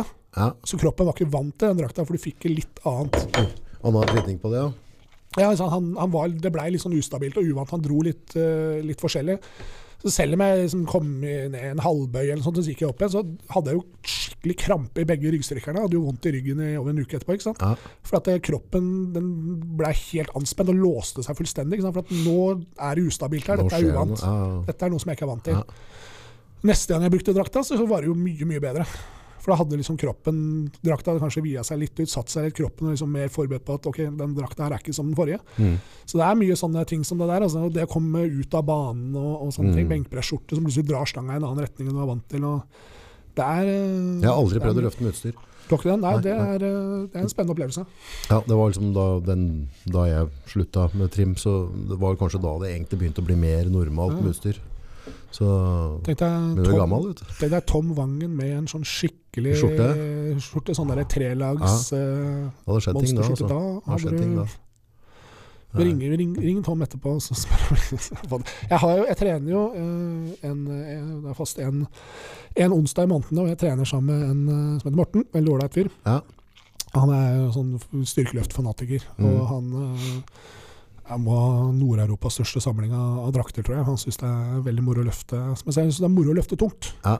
Jo bedre og jo tjukkere drakter, og jo flere lag med drakter, jo tyngre kan løfte. Ja, jeg det er mye morsommere å løfte 400 kg enn 200 kg. ja jo, jo, jo. Jeg ser jo den, da. Ja, ja. Så jeg tenker at eh, hadde vi fått eh, Vangen i drakt. Så. Vangen inn i noen av de draktene der, og så fått den trent med de der, da, gud hjelpe meg, da hadde vi sett uh, Ja, spennende ting. Ja, for denne styrken der er jo sånn abnorm. Vet du. For jeg husker det var da han møtte Calvin første gang også, for jeg, eh, jeg drev og trente strongman da, så Calvin trente meg og en danske nedi der. Uh, og, og hadde noe opplegg der. Og så prater jeg på Tom da, ikke sant? Men, og Calvin har jo sett mye sterke gutter. Og, og i området der i Thailand så kom det mye Dennis James trente ned, det var mye store gutter. det er. Men, eh, men eh, så han, han skrev nok det bare av som en sånn gymhistorie. Og så, og så kommer Tom nedover, og så kommer på besøk, og så er vi på gymmet. Så begynner han å flytte, ikke sant? Men Calvin, ja, han ble rørt, og, og altså, alt, altså, var, altså, han, var- han ble også så fascinert av Igor som løfta, liksom. For det, det var ikke bare gymhistorie, han dytta faktisk, liksom. For han slengte på 200 kilo benken, liksom, så rapper han det, liksom. Ja, det det, vært. jeg er god venn med, med Marius Bjerke. Ja, han kjenner Han godt. jo, ja, ikke sant? han er jo fra, fra Lørenskog, sånn som meg. Hadde ikke han 280 i sin tid? Jo, er han hadde det, skjønner du. Men da, han han vondt i skulderen, sånn, nei, i albuen, så han hadde dratt på noe, noe knebind bare sånn for smertelindring. da. Ja, ja. Men uh, det 280 er 280, altså. Det, jeg husker jeg så han oppå Da trente jeg, da var jeg student, så trente jeg på den trimloven uh, i Lillestrøm. Ja. Vel, nå ligger vi EVO der. Og da kom han, Jeg skulle bare kjøre lettbenk, da, så jeg drev og holdt på med mitt. og han, Jeg bare hilste på han. og Vi hadde møtt han, jeg tror jeg møtte møtt han en, et par ganger før, for uh, trente med han Odd Haugen. Ja, han ja. jo legende. legende. Ja, ja, ja. legende. Jeg, jeg trente sammen med Odd Haugen da jeg var ferdig i militæret. så tror jeg spurte Roy Holte liksom, hvor kan jeg trene strongman så, uh, på Romerike. Så jeg hører med Odd Haugen. Så, Odd Haugen han er faen meg Amerikas sterkeste mann. Han bor i USA. Nei, jeg flytta til Norge. Så fikk jeg plutselig telefonen. Å, det er Odd Haugen. Har du lyst til å komme og trene? Klart jeg har det. Trente sammen med Odd Haugen. Og Der var Marius innom, så jeg hilste litt på ham. og sånt. Så så jeg han oppå trimloven, eller hva, ja, hva det het. Og da lå han liksom aleine uten sikring, og så lå han og kjørte som lette femmere i benk. Ja. Dette var jo en hel skive på dette her. Da. Så, så liksom, om jeg mye er det å ha på? Nei, jeg var bare lett. Skulle bare lettøktig. Jeg så Mye var det? Nei, det var en par hundre kilo. Da. Så jeg bare kjørte Fire og en halv plate, ikke sant? noen lette reppere Det var lette femmer eller på 200. Og det var ikke noe sånn, trengte ikke noe sikring. Han ser bra ut en dag i dag. Ja, Han, han begynte med crossfit-greier og sånn, men han, Ja, han, vært, han, han er jo en jævla gründer, ikke sant? Med Ja, tattoo-studio og eiendommer og ja, ja. Han, eh, er, flink, er altså. kjempe, Marius er kjempedyktig. Han, eh, han driver CrossFit eh, Lillestrøm. Ja. Ble helt hekta, bitt av en CrossFit. eh, Han ble bra der, og han så jo så, ut som million dollar der òg, ikke sant? Ja, ja, for han dyktig. Jævlig Jeg, jeg har ikke noe greie, så, så mye greie på, på crossfit, annet enn at jeg vet han ble helt hekta på det. Ja. Han, han er, er jo rå i det han driver med. Ja. Enten det er idrett eller annet, så har jeg helt sikkert vært uh, kjempeflink der. Han var jo instruktør og sånt, så Nei, så han driver den CrossFit Lillestrøm, og så har han jo treningssenter ute i Flateby. ja. Man driver han og, og broren hans og, og holder på der, så jeg trener. Det, det er der jeg trener, er hos eh, på gymmen til Marius. Kult, kult. Sånn i all hovedsak. Eh, og som sier gründere driver, eier næringseiendom og leier ut og driver et par tattostudioer som går bra. Og det er en veldig, veldig dyktig, dyktig fyr. Han også. Kjenner han Høgdal du da, sikkert? Ja, ja, ja, Tore, ja. ja, jeg kjenner han. Det er lenge siden jeg prata med han, men også, han var også uh, Han drev også med Ja, for jeg, jeg, Sterk han, han konkurrerte øh, på samme Var minus 105 i, i Kristiansand Ja. en gang i tida. Jeg ble prøvd å erte han Høgdal, satt med og spiste med legge på det. Men han, på- han er jo sånn Savikas. i marken. Så, så, så, tynn og lang. Mm. Men han òg dro, drog noe Ja, jævlig mark. ja, Husker jeg var det oppover oppe over 300 eller noe. Husker, altså, det, var, det var bare sånn forhold til Ja, i forhold til lengde ja. og sånn. Så tenkte jeg bare åssen faen får han til dette ja, der? jeg husker han Ja. var eh, Så han var sterk. eh, Men han trente med Marius da. Ja, han, og, han trente også med Marius. Ja. Så han var også veldig god slåmennutøver. Men når vi først har nevnt på, på Sven Karlsen, altså Viking-Karlsen, og så når du sier Odd Haugen Ja.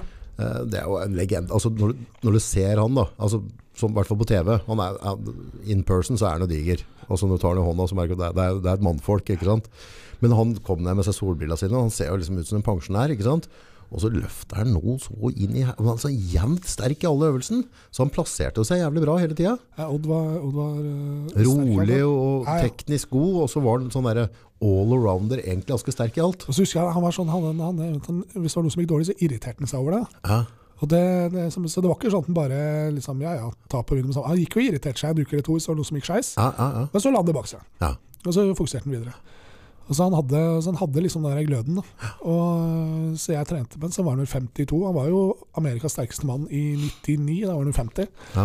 Han trener jo fortsatt. Ja, for det, er, det på det nivået der at Bill Cosmire vet hvem Odd Haugen er, liksom. Ja, ja, og Ja, vet og- og det- helt sikkert godt hvem han er. Og, og det, det sier litt, da, for Cosmire har kanskje vært i boka mi, da. Altså klart Marius Budanoski.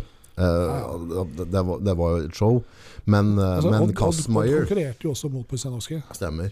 Men han, uh, Cosmire for meg, da, er liksom kanskje tidenes sterkeste gubbe. Han, han var jo sterk i alle han, var verdens, han var jo verdensmester i styrkeløft. òg, Han hadde Ja. vel var det 1100 han hadde på den tida. Så med de draktene du hadde da, det var ikke, ikke langt nær så mye. Men han, han, ble, han fikk, jo, fikk jo ikke lov til å være med å konkurrere han i Strongman, for han, han utklassa Det var så stor forskjell, så det var, Ja, var tre-fire ja, år. år. Ja, det var en periode han ikke fikk stille. Fikk, fikk ikke stille, for det var det var, det, det var ødela sporten. Altså sånn 1100 kilo samlet. Ja. har du 400 i mark og 400 i bøy, da, så Det er vilt. skal du fortsatt ha 300. Men, han hadde, men har, du sett, har du sett på skuldrene til Kasmeier, og så ser du på skuldrene til Tom Mangen?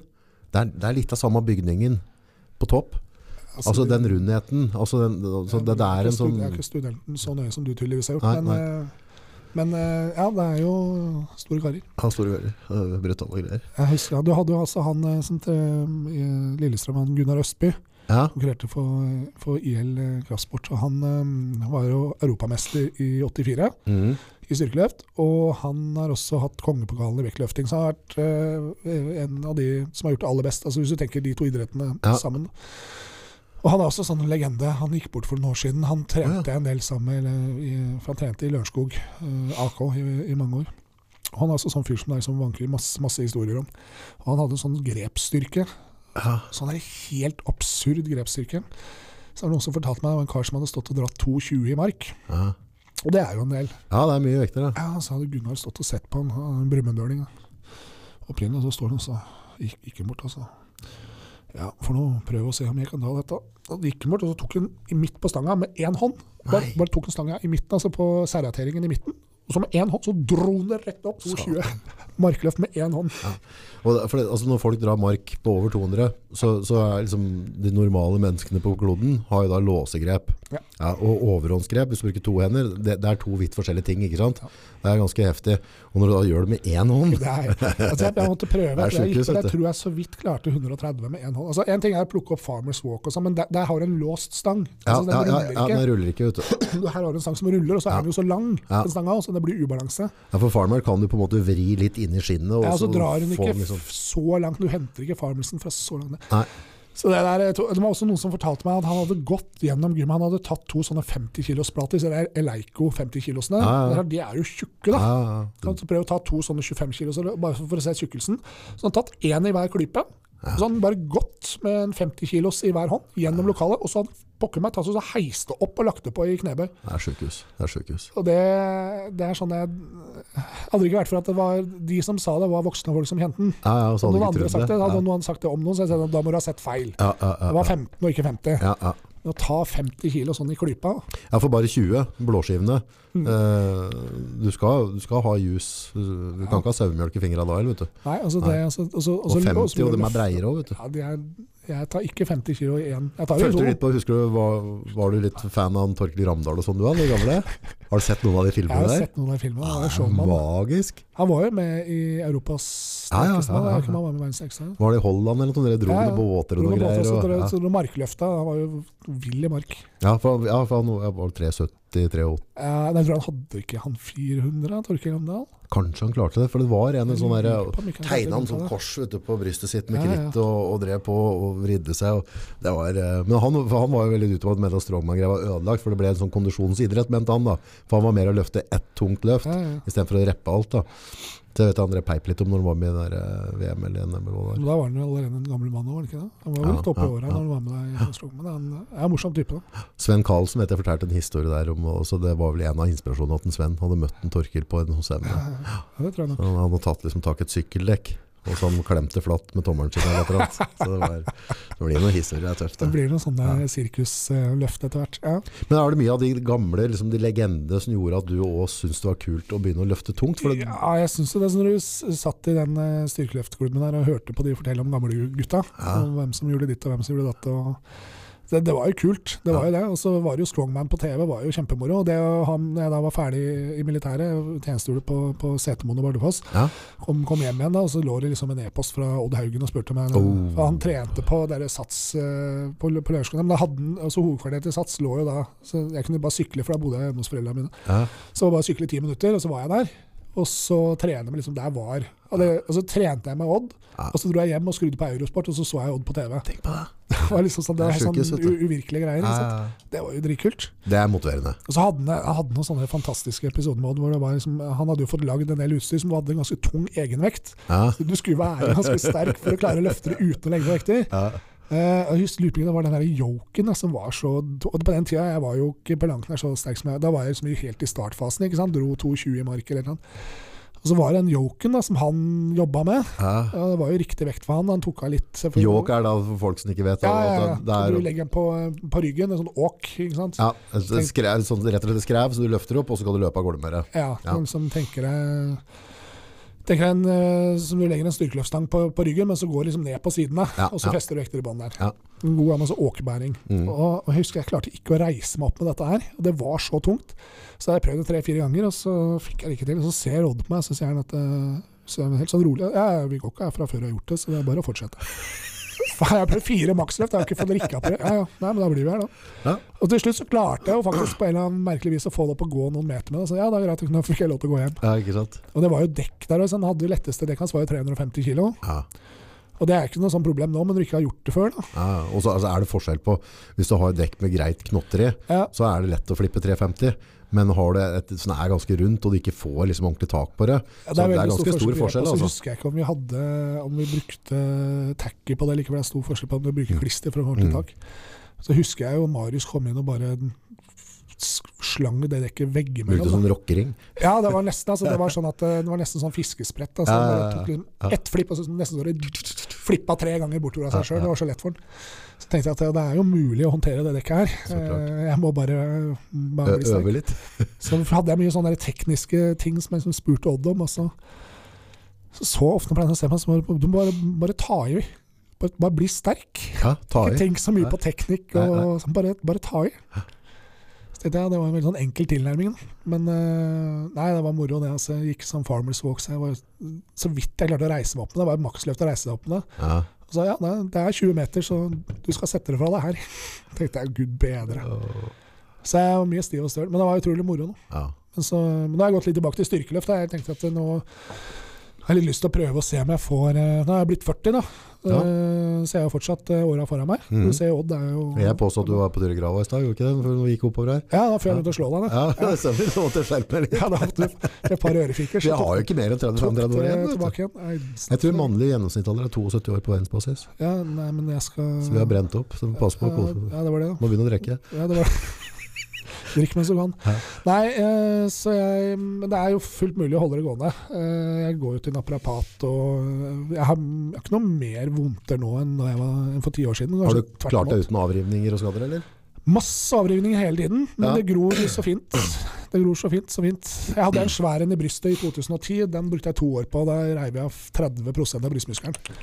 Så jeg var blå oppover hele. De trodde jeg hadde tatt sena, og legen sa at det er sånn 50-50 sjanse for om du blir invalid eller ikke. Mm. Eh, men den er blitt helt fin, den.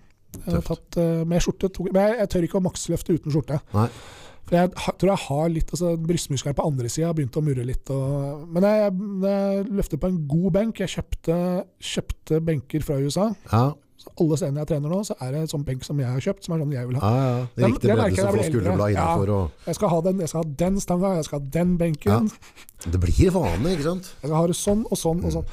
Men da, da jeg løfter på god benk som er stabil, så gjør det ting utrolig hvordan du da, ting blir bedre. Ja. Og så albuene inn, og eh, yes, Bruke eh, lats. bruke latsen litt, lære litt sånne ting. Så har det ikke vært noe problem. Løfter du med skjorte, så får du ikke avrivninger i er Mye annet rart som kan skje, men ikke det i hvert fall. Men det, det du ser opp, eh, med, med de benka Uh, Altså hvis du har uh, en benk da, som, som er kanskje akkurat hakket for smal, så at du ikke får skulderbladet riktig inntil, og så, og så får du det, og så i løftet så får du den vingeren. Det er da avrivninga skjer, vet du. Ja, det er det. Altså, du kommer utafor utafor- Jeg vet jeg tok skuldra mi en gang for 100 år siden. Og, og da drev vi kjørte opp, så jeg tror kanskje jeg hadde 120 på. Og så, og så og trente jeg med en danske. Og da fulgte ikke han med, liksom, for vi drev skulle ha videre oppover. Og da på en eller annen måte, så når jeg gikk, tok ut vekta, så, så tok jeg det ikke alvorlig. Så jeg, jeg slapp meg ned før jeg hadde egentlig satt den i posisjon. Jeg, jeg, for jeg tok det ikke Og da bam, var det jeg gjort. kjøpte på jeg, jeg blir ikke sponsa av noen, så dette er bare noe jeg sier for at jeg mener det. Eh, Rogue, så får du kjøpt en benk som heter Det er vel Donny Thompson som har utvikla den, uh, Fatpad. Ok? For det, det er jo selve paden, altså puta du ligger på. Ja. Eh, Og den er brei, Ja. og den er tjukk, og den er god. Ja. Og du løfta med dem, ja. løfta på den benken der, og du da skal løfte på noe annet etterpå, Så er merker du at alt annet er, alt er, noe, annet er noe dritt. ja, ja. Så jeg kjøpte to. to. så én på hytta, og så skal jeg én på gym i Flatby. ja. Så Nice. har vi allerede en hos San Morten. Mm, det, er, det, er der jeg trener benkpress, for der har de den benken som jeg skal løfte benkpress på. Mm. Ferdig snakka. Mm. Det blir litt sånn, blir litt sånn sær. Ja, men det handler jo, skal du, skal du dytte litt i benk, så handler det om at du får samla skuldra, får skulderbladet innafor, du får spent deg riktig, så at du får liksom en kompakt, god kropp og dratt litt med latsen, så, så er det jo sjansen for Ja, å skade seg jo mindre. det er masse sånne småskader og småavrivninger hele tiden. Og så etter jeg kjøpte den benken, har jeg ikke noen ting. Ingenting. Jeg får vondt i skulderen, da, det noe, da, da er det noe annet. Ja, ja, ja. Men det er en annen problematikk igjen. Men Åssen regiment er det du trener etter? Altså, hvor mange dager i uka, lange økter kjører du? Hva, hva? Fire, fire dager i uka syns jeg er fint. Eh, nå kjører jeg eh, bein, knebøy på mandagene. Ja, Eh, tung benk på onsdag. eh, mark på torsdag. Lett benk på eh, søndag. Ja. Eller benk, og det blir overkropp, da. ja, ja. Ja. Eh, så har jeg ofte alternert litt mellom, eh, mellom benk og så Om jeg har benk da først, og så skulderpress etterpå, eller motsatt. Når jeg drev strongman, så var det mest Da tenkte jeg veldig lite benk og, og bare press over huet. Ja. Nå er det litt motsatt. da Og det er litt også at jeg har litt vondt i den skulderen, men det blir flink til å tøye og Det var litt sånn jeg gjorde at jeg hadde på en måte type en sånn tresplitt, og så hadde jeg en Ja. bonusdag da. Dag fire så, så var det litt mer åpent for hva jeg kunne drive med. ja, det er også en mulighet. da. Så, Men jeg tenker overkroppen to ganger i uka, og så én dag i uka med, med rygg, i praksis markløft. da mm. Eh, Markløft og bakside. Har du lange økter og mye rep, få rep? Hva? Ja, det blir øh, to og en halv time i hvert fall. Ja, såpass, ja. ja, ja. Nei, men jeg skal kjøre mye tung knebøy. nå. Ja. Knebøy skal, så holder jeg på. Da er det, og da er det knebøy. ja. Da er det knebøy uten utstyr, knebøy med utstyr, og så er det lockout. Ja. Så der, da står jeg liksom i to, to og en halv time og bare trener knebøy. da. Tøft. Og det er jo den kjipeste øvelsen å trene. Det er jo ikke noe som er Men det var jævlig digg å komme hjem og få sånn mat etterpå. Da. Ja, når du er ferdig med Ja. det, tar den på mandag, så er du ferdig med den. Ja, ja, det var Men mandag, man, ja, mandag er en drittdag uansett. ja, ja. Så den er ødelagt. Så ofte så er det, i det det du står opp, det, i det, i det vekkerklokka ringer mandagsmorgen, så er dagen ødelagt. er det, Du kan like så godt kjøre knebøy da, og så bli ferdig med det. Så er det egentlig ikke dumt, for ofte så får du spist litt mer søppel. Så du, du er liksom litt mer karba opp løpet av helga, så, så du har jo ofte litt skyv i kroppen. Eh, opplever jeg da. At, uh, i hvert fall jeg, for, så På helgene så har jeg kanskje litt bedre tid til å spise, og så får jeg litt mer. Og da, da er liksom kroppen litt mer lada på mandag òg. Så det er litt lurt å ta unna de tunge dagene. Kan være noe i det, altså. Uh, jeg merker det har mye å si for overkroppsstyrken min om hvor mye karbohydrater jeg har fått. Ja. Så har jeg liksom torsdagen er markløft, og den uh, Er du glad i mark? Ja. Det er greit nok, jeg trener det tungt, da. Ja. Så jeg tar meg liksom ordentlig ut. Men da er det liksom, ok, men da er jeg ferdig. Da er jeg helt ødelagt. Ja. Da går jeg som en krabbe ut av gymmet. Ja. Og så veit jeg på fredag drar jeg til naprapat. Blir så massert og knadd opp. Så kjøper jeg meg en Red Bull og en kyllingbagett. Ja. Så jeg er veldig glad i rutiner. Det, sånn, sånn skal det være. Ja, ja, ja. Det skal være sånn og sånn og sånn. Og så skal jeg ha kyllingbagetten min. Og, og, og da, er det liksom, da kommer helgefølelsen. ned. da sitter de siste timene på jobb der, ja. spiser den, drikker Red Bullen min. Da er det fredag. Og så er det fri på fredag og lørdag, og så er det benk igjen på søndag. Nice. Dette har du gjort i årevis. Ja, jeg bytta litt om på dagene. Jeg fant ut at nei, nei, må bytte tilbake må ha det akkurat sånn. Så er det firkanta, så skal jeg ha, og så skal jeg ha havregrøt til frokost. Mhm. Hvis havregrøten er borte, så har jeg glemt å kjøpe. Hvis det er tom for melk, da, da, det blir stress. Da blir det tull. Det går ikke. Ja, Da, ja. da, da blir hele OCD-en min ødelagt. Ja, ja, ja, ja. er den dagen ødelagt. Nei, altså, jeg, jeg er glad i rutiner, men det funker. Det er det som eh, jeg liker. Jeg liker å ha det som det skal være. ja. Lunsj og sånn, hva pleier du å Så Fjordland har jo gjort livet lettere for folk, da. Ja, Så det er mye fin Fjordland på markedet. ja. Det er det. Så det To-tre stykker slengen, eller Nei, med nei da, det holder med. Jeg spiser som sagt jeg får med, Det er mye, mye god næring i havregrøt. Har du mange måltider, du? Og så er det Ja, skal vi se, det blir proteinshake og havregrøt til frokost. Og så er det gjerne noen middagsmat fra Fjordland si, til lunsj midt på dagen. Og så Ja. spiser jeg en middag til før jeg drar og trener. Ja. Og så er det jo shake da, jeg trener, med Ja. masse karbohydrater og kreatin og sånne ting. Og så kommer jeg hjem og så spiser jeg middag til. Ja. Så blir det tredje middagen. Ja. Og så tar jeg en stor shake før jeg legger meg. da. Ja. Og hvis jeg da klarer å få i meg litt, presse i meg litt til før jeg legger meg, så er jo det fint. Ja. Prøve å småspise litt sånn nøtter og sånne ting. Hvert. Nå skal jeg prøve å få Få vekta. da. Ja. Og så får jeg drikke den der vaniljesausen din. Da, den super, supersausen. supersausen. Jeg hadde mye dårlige greier da, så dere fant mye dumt. Så. Men da var det sånn, i 20-åra, altså, jeg ble jo ikke sånn feit som jeg blir nå, vel. så da tålte jeg det på en annen, annen måte da. Så du drikker ikke vaniljesaus rett fra buksen lenger? Nei, nå, nå er jeg fucked. Jeg har den kronsgreia, så magen min er bare klus. Å ja, okay. Det er ganske stusslig kosthold på meg, egentlig. Ja, Det høres ikke noe særlig ut. Nei, hver gang du spiser et eller annet som er ok, så blir du straffa. Jeg er glad jeg ikke har det, i hvert fall. Ja, da, da blir det vanskelig å, å, å bygge, for å si sånn. Jeg, på, jeg sånn- burde jo egentlig ha satsa på kroppsbygging, jeg, som- jeg som er så glad i rutiner. Ja, ja, du hadde funka som er pokker på det. glimrende kunne få lov til å spise akkurat det samme hver eneste dag. Jeg vet ikke om det hadde vært bra for meg. Altså. Lungemo, så vet jeg det var store mengder av. Det, var, Nei, det er ikke så ille. Jeg, Lungos er jo ikke så Det høres egentlig verre ut. Men det er ganske bra med næringen og Ja, sånn. det er mye næring. Det er egentlig ikke så vondt heller. Jeg vet på, på, på, liksom, på det var på likte å trene mye, da, så åt jeg noe kald og bare av plastikk. Det, var, det var ikke tema. Ned skarer, liksom. Ja, jeg får mange gode tips her. Men... tror ikke jeg skal høre på nota av det, for det er ikke det som funka noe særlig. Nei, Så- nei, Nei, nei, så, nei, ja. Nei, nei, det er så forskjell for kropper. Også noen skal ha karb, andre skal ikke det. Det- men, det må- men det handler jo om på en måte å ha rutiner og flytte på rutiner og prøve seg fram. Da. Ja, ja. Finne hva som funker for deg. For du vet jo når du skal opp i vekt, og du vet jo akkurat hva du skal spise og hva du skal trene, og så, så funker jo det, ikke sant? Så, så det er noe med det. Men styrke, du har vel over på det istedenfor strong? Strongman? Ja, nei, altså det var egentlig Jeg er glad i strongman, syns det er moro. Altså. Det er ikke det. Men det var bare at jeg har lyst til å se om jeg klarer å få, eh, få et ålreit uh, Se hva jeg kan få opp nå, da. Det Ja. er mange år siden. Jeg slutta med styrkeløft for mange mange år siden for å drive med strongman. Ja. Og styrkeløft, da er det jo utgangspunktet tre øvelser. Knebøy, benkpress, markløft. Yes. Og da har jeg litt lyst til å se om jeg Jeg tror jeg skal kunne altså Hvis jeg får det til å klaffe og får godkjent uh, løfta mine og får dybden i bøyen og dette her, så mener jeg at jeg bør kunne ha det inne til å få 900 kg. Det er bra. Ja, og det er ikke så gærent. Uh, 1000 er litt mye. Det er liksom det som, da er du liksom virkelig eh, kar. Ja. Men uh, 900 sammenlagt, det er ikke noe å kimse av det. Det har vært moro å få til. Ja, og det folk skal være klar over da, er altså når, når du gjør en benk da, så skal du ha en kontrollert pause. Altså, det, er, det er ikke noe bouncing Nei, nei, av vekta. Altså, så, så på en måte et styrkeløft. Du har ikke lyst til å bounce over 200 kg uansett. Så det, Så det, ja, så det Vangen du kan gjøre det. ja, han kan Han Ja, greit, du får lov, Tom. Ja. Vi andre, vi Ja, men, men det er noe med altså, de styrkeløfta. Da, de, de, skal du ha et godkjent løft, da, så er det tyngre enn et gummiløft. Ja, det er det. Det kan vi si. Så, nei, så det har vært moro å ha hatt eh, godkjent 350 i bøy. Mm. Jeg hadde vel en godkjent dybde, tror jeg, på 340 da jeg prøvde her eh, en gang eh, på konkurransen. Jeg klarte jeg miste balansen litt, så spotteren kom inn og tok den. Ja. Det var litt ergerlig, for da var jeg jo egentlig forbi det tunge punktet. Ja. Så den er litt sur, men det har vært moro å ha 350, for det er et fint rundtall Ja. i bøy. Eh, 250 i benk med skjorte. Det jeg har hatt Jeg tok en gang på trening 245. Det Det var, det var svintungt, da. Mhm. Og hvis jeg da har eh, ja, 320 i, marken, da, så blir det jo 920. Det blir 2000 pund. Da. Men, Det da er er sjelden du makser i alt på en Ja. og samme dag. Da. men da ligger du da også 240 og sånn, da, da ligger du og dytter 200 uten drakt. da. Mest jeg har tatt uten drakt, var 190. Ja. Eh, men så røyk jeg den brystmuskelen etter det. da. Og da brukte jeg to år på å trene den opp igjen. Og da, jeg kjørte noen reppere på 160 og sånn etter det. Ja.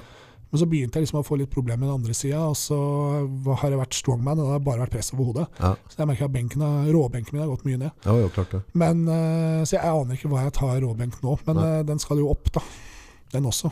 Men det viktigste er hva jeg tar med skjorte, og det er klart at det er eh, triceps, triceps, triceps. Ikke så mye Det er mye triceps på skjorta. Ja, for du Ja. får bra skyv i bånd, ikke sant? Ja. Så latsen er ikke så mye inni da. Nei, det er mer for å Ja, du styrer den jo på vei ned, da, Ja. med latsen. Men eh, det er derfor veldig viktig å få eh, mye, mye triceps og mye den øvre halvdelen der. Mm. Når skjorta slutter å ta. Mm. Der skal du jobbe mye med. Ja. Ja. Så det å ha en halvannen liters flaske, du legger den på, på brystet, får noen til å holde den, og så løfter du ned til den. Ja. Løfter du halve løftet. Nei, ikke sant. Sånne type, Mm. sånn type trening. Da. Men ser på skuldra dine, så, så ofte så ser jeg uh, Du har jo ikke typisk uh, benkskuldre. Så ofte ser vi dem som er veldig naturlig, eller kommer veldig lett i benken. Har lang, har lang- ja, men jeg har sett det ofte så er det dem som er veldig sterke i benk, har Altså du ser skulderfestet er ganske langt ned Ja, på sånn, triceps. At de har uh, det har jeg ikke tenkt over, men jeg husker det var en som sa det til meg en gang på styrkeløftstevne. Jeg husker ikke hvem det var. Det var en uh, eldre kar. Han så på meg at du har veldig gode vinkler for styrkeløft. Jeg, Ja. jeg, ja, for du har runda skuldre. Du har ikke sånne skuldre som går rett ut. Nei, nei, nei det, det går da ikke. får du Ja. posisjonen riktig. mm. For du skal ikke ha stanga for høyt.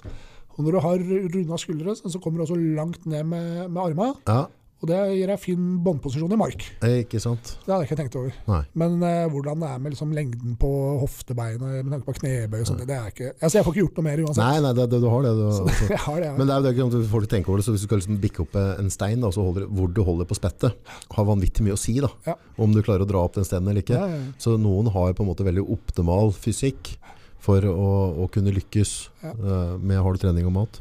Og så er det også veldig sånn genetisk hvor mye juling tåler kroppen din før ting ryker, muskelfester og andre ting. Mm. Det er veldig individuelt. Og så er det selvfølgelig evnen din til å legge på deg og bli stor, altså Mm. bygge muskler. Mm. Men uh, det er jo en del som har liksom, det ene, men ikke det andre. At de blir voldsomt fort sterke, og så bang, så har de en kropp som ikke tåler Tåler ikke all den julinga, men de, det går veldig fort unna, og de får veldig fremgang mens de har fremgang. Ja. Så kan du ha de andre da, som tåler, eh, som, som tåler veldig store mengder med trening, men som allikevel ikke går veldig sakte. da. Ja, ja. Men det er jo en del av de som har kommet veldig veldig langt i idrett, som ikke var naturtalenter. ja, men det, da blir du tøff i huet, ikke sant? Ja. Så da holder du på år etter år etter år. Så.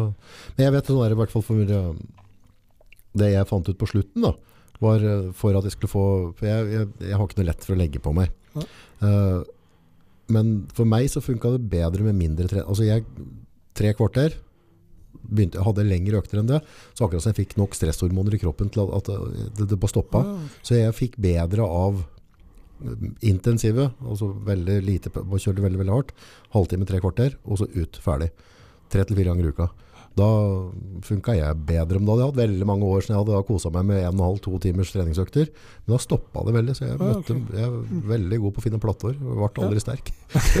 Kom ikke. Det gikk ikke. Nei, det er, eh, det er, man har visse sånne genetiske medfødte forutsetninger også, Mm. som, eh, som ligger der. Men eh, det er klart at det er moro å, å prøve å se hva man kan få til med, med de kortene man har fått utdelt. Ja, det er kult. Men du har jo kommet veldig langt. Altså, du har jo vært på pallplass i, i Europa og greier, så, så du, har jo du har jo da tydeligvis riktig genetikk da, for å, å drive med dette her. Ja, Det er stor forskjell på Jeg kommer jo på pallen i Spania, Italia, Frankrike. Men det er klart at uh, konkurrerer du i Polen, USA, Russland så Det er litt forskjell der òg. Jeg har, jeg, har slått, eh, jeg har slått et par karer som har vært med i Champions League. Det har jeg. Okay. Så, så det kan jeg slå i bordet med. Men de kom jo da et godt stykke ned da, Ja. eh, i Champions League. det gjorde de. Men Ja. så har jo, du nevnte jo Bjørn André Solvang. Han har Mm. gjort det veldig bra i Champions League. Mm. Han har jo prestert kjempebra der. Mm. Og vært der i, i mange år. øh, Og prestert jevnt høyt opp Ja. i Champions League over mange år. Så han er jo en av de norske som virkelig har gjort, det- gjort det bra der. Mm. Mm. Hadde han Arild Haugen og Det Ja. lå jo voldsomt. Ja, han han kom jo fort og ga seg fort, holdt jeg på å si. Men det, Ja, han var jo et, øh, et vanvittig talent. Og, ja, den steinløftinga var jo helt klin kokos. Den, ja, han hadde jo verdensrekorden der. Ja. Den står kanskje fortsatt. Jeg er litt usikker. Altså. Jeg tør ikke å, å Nei, vet, si var, var det ikke alle stena på liksom noen og 20 sekunder? Ja, det, det var et Var vanvittig, helt vanvittig, tempo. Han, Jeg husker jeg så det på TV og bare Fy faen! Og han, jeg har hørt mange si at han var, eh, han var veldig sånn smart i, i måten han trente på. Trente mye, mye teknisk riktig, og, og ikke nødvendigvis så beinhardt hele tida. Jeg, jeg vet ikke helt hvordan det er. Jeg hørte bare veldig mange som sa at han hadde veldig sånn bevisst eh, tilnærming til, Mm. eh, til trening. Og det er ikke så rart man ser den fysikken han hadde. Så Ja, han har ja. åpenbart gjort mye riktig. Ja, ja, ja, han så ut som en million dollar òg. Ja, absolutt. Nei, altså, han, var, eh, han var en sånn skikkelig Og han var en sånn artig fargeklatt også, så han eh, gjorde mye riktig. Men han, eh, han ga seg, ja. Uh, Røkte ikke av en muskel på han? Eller, jeg, altså, jeg husker ikke. Jeg husker ikke. jeg det skal ikke spekulere i hvor, hvorfor han ga seg, men han, eh, han gjorde nå det. Men han var jo med i verdens sterkeste mann, og, og kom jo, gjorde det bra der. Kom jo til videre. Ja, for da, da fikk jeg liksom sånn snusen på at skal vi få, skal vi få en ny Sven Karlsen nå? Mm, Skal vi ha en som er, er med er med de store nå? For, han, jeg tror nok i verdensbildet også ble han sett på som at dette er en Dette er virkelig en sånn up and coming. Ja. Han var jo så eksplosiv og utholdende. Han hadde liksom hele pakka der. da. Ja. Men eh, nei da, så av eh, årsaker som han eh, Bare må, vet. må, ja, som Ja, han, må, han må redegjøre for. Så, så, så ga han seg der, da. Han utretta jo veldig mye, da. Ja, voldsomt, det. voldsomt. Så, Det var en sånn kul epoke, da. ja, ja. Det var en sånn uh, gyllen alder for Og da hadde vi jo en um, Rikard Skog og og- Espen, Aune. ja, da var jo gutta da, da, da, var, Ja, det var, det var, det var mange som var sultne da. Det var det. Det var liksom skikkelig det, det var gøy å følge med, Det da. var mange, mange profiler. Ja, Mm. rett og slett. Og ordentlig tøft å følge med. Så det. Ja, livet videre. Åssen går uh, høsten, vinteren? Er det bare å peise på og jobbe? Dundre på. Det skal, det skal jobbes. Uh, ansatt en kar til som begynner, så vi må bare kjøre på. Få inn, eh, få inn mange klienter og levere gode resultater. og jobbe på, så det blir, blir mye av det. Ja. Uh, trene, det skal jeg jo fortsette med. Det har jeg gjort i hele livet. så Du har klart klarer å sette titler, liksom? Du Ja, ja. Hellestempel den tida? Ja, ja. Ja. det, må jeg bare, det må jeg bare gjøre. Så det, det skal gjøres. Og så får jeg heller bruke litt helger og ta litt mindre ferie og sånne ting. Men det, det skal til.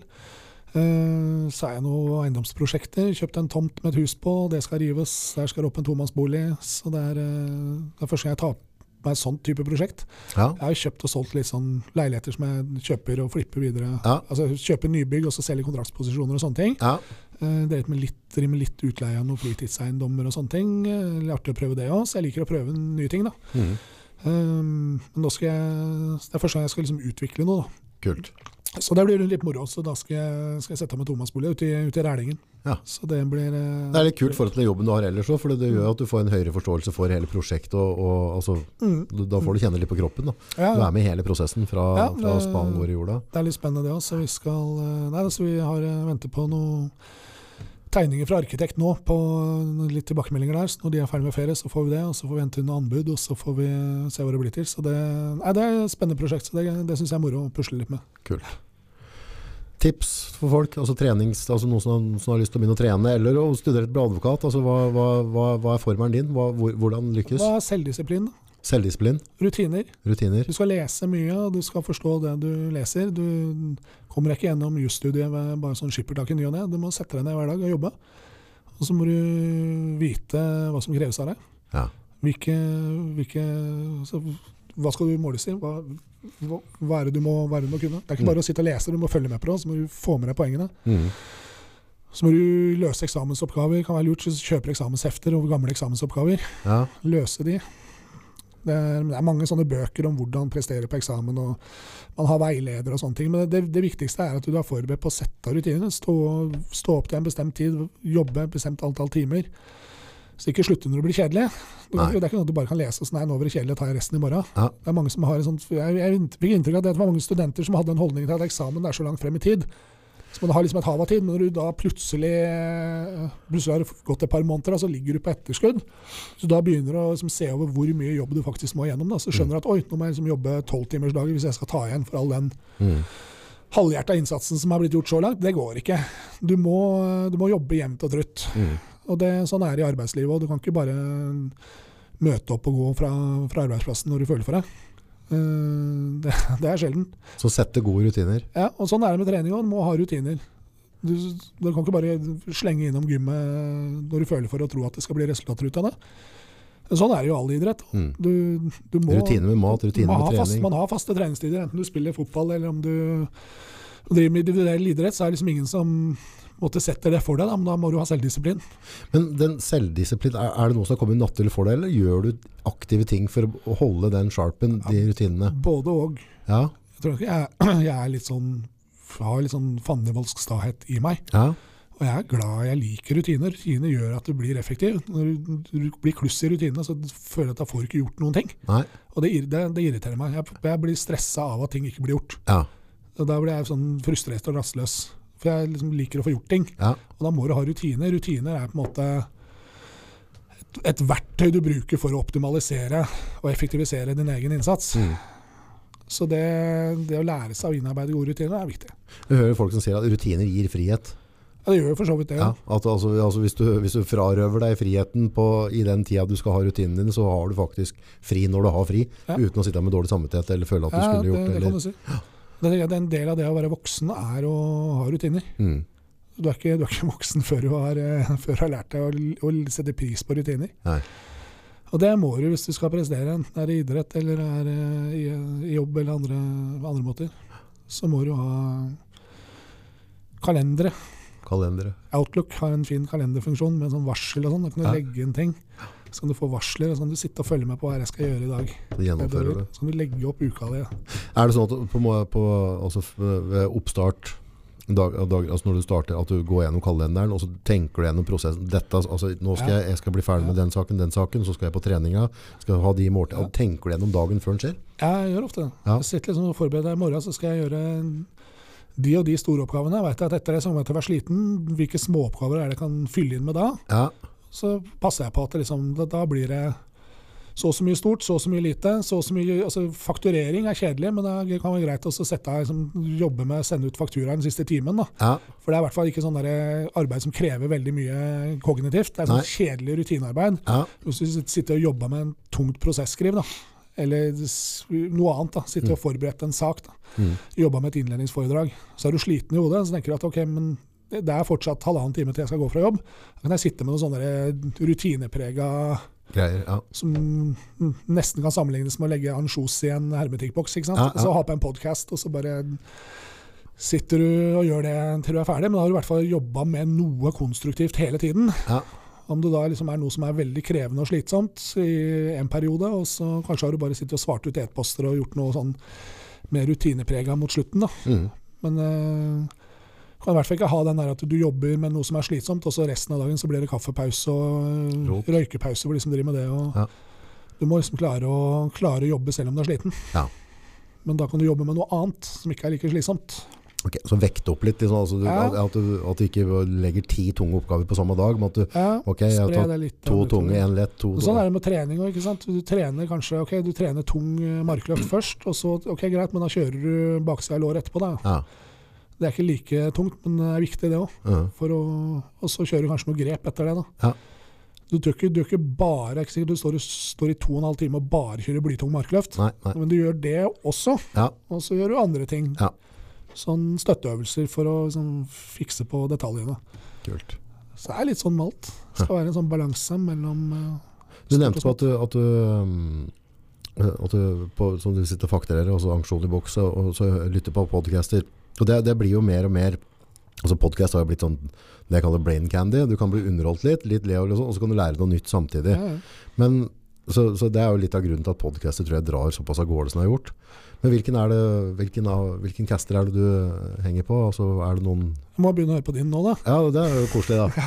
Men uh, hvem er det du har uh, fulgt? Nei, det er litt forskjellig. Jeg liker den derre tid, 'Tid er penger' med Peter Warren. Ok, den har Det er en sånn finanspodkast. Men han Peter Warren er litt artig. Han har noen sånne litt uh, artige kommentarer og noen digresjoner og historier fra sitt eget eh, liv. Ja, så det blir litt candy og, Ja, candy og litt, litt lærdom? sånn. lærdom. Og så har du den der Aksjesladder, er en fin podkast med noen sånne investorer som sitter og fleiper og tuller litt. og Mye seriøst, men også litt sånn selvironi og hvilke smeller de selv har gått på den siste uka og sånne ting. Ja, Den er fin. Uh, Så liker jeg å høre på er Litt sånn true crime kan være ålreit. Ja. Eh, Har noen sånne amerikanske fotballpodcaster som jeg hører litt på.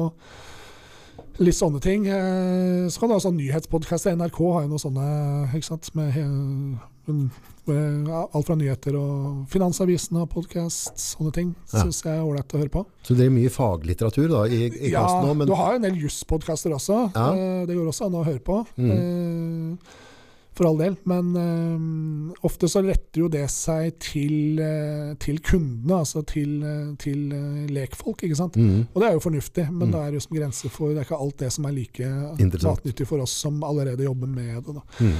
Men det kan være mye interessant. Dommerpodden er en interessant podkast. Det er jo eh, gjerne folk som jobber som dommere, som forteller om uh, oh, ja. ulike, ulike Det kan være for advokater. Kan det Ja, ja, så det er utrolig mye podkaster der ute. Det er voldsomt. Det har kommet veldig mye bra, mye bra innhold. Så Altså. nå har du for eksempel, I går da, så hørte jeg på en podkast med For da var det en sånn fangeutveksling mellom USA og Russland. Oi. Og da skal Russland er veldig interessert i å få tilbake han derre Viktor Bot. Ok, Og Det er en sånn derre våpenhandler.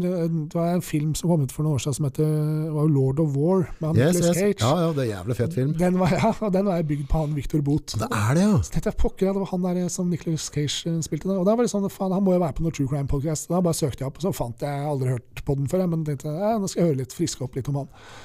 Han som eh, kjøpte masse sånne fraktefly eh, da Sovjetunionen kollapsa. Så kjøpte han bare noen fraktefly, og så fant ut at det er veldig mye folk i det gamle sovjetiske militæret som ikke får betalt lønn.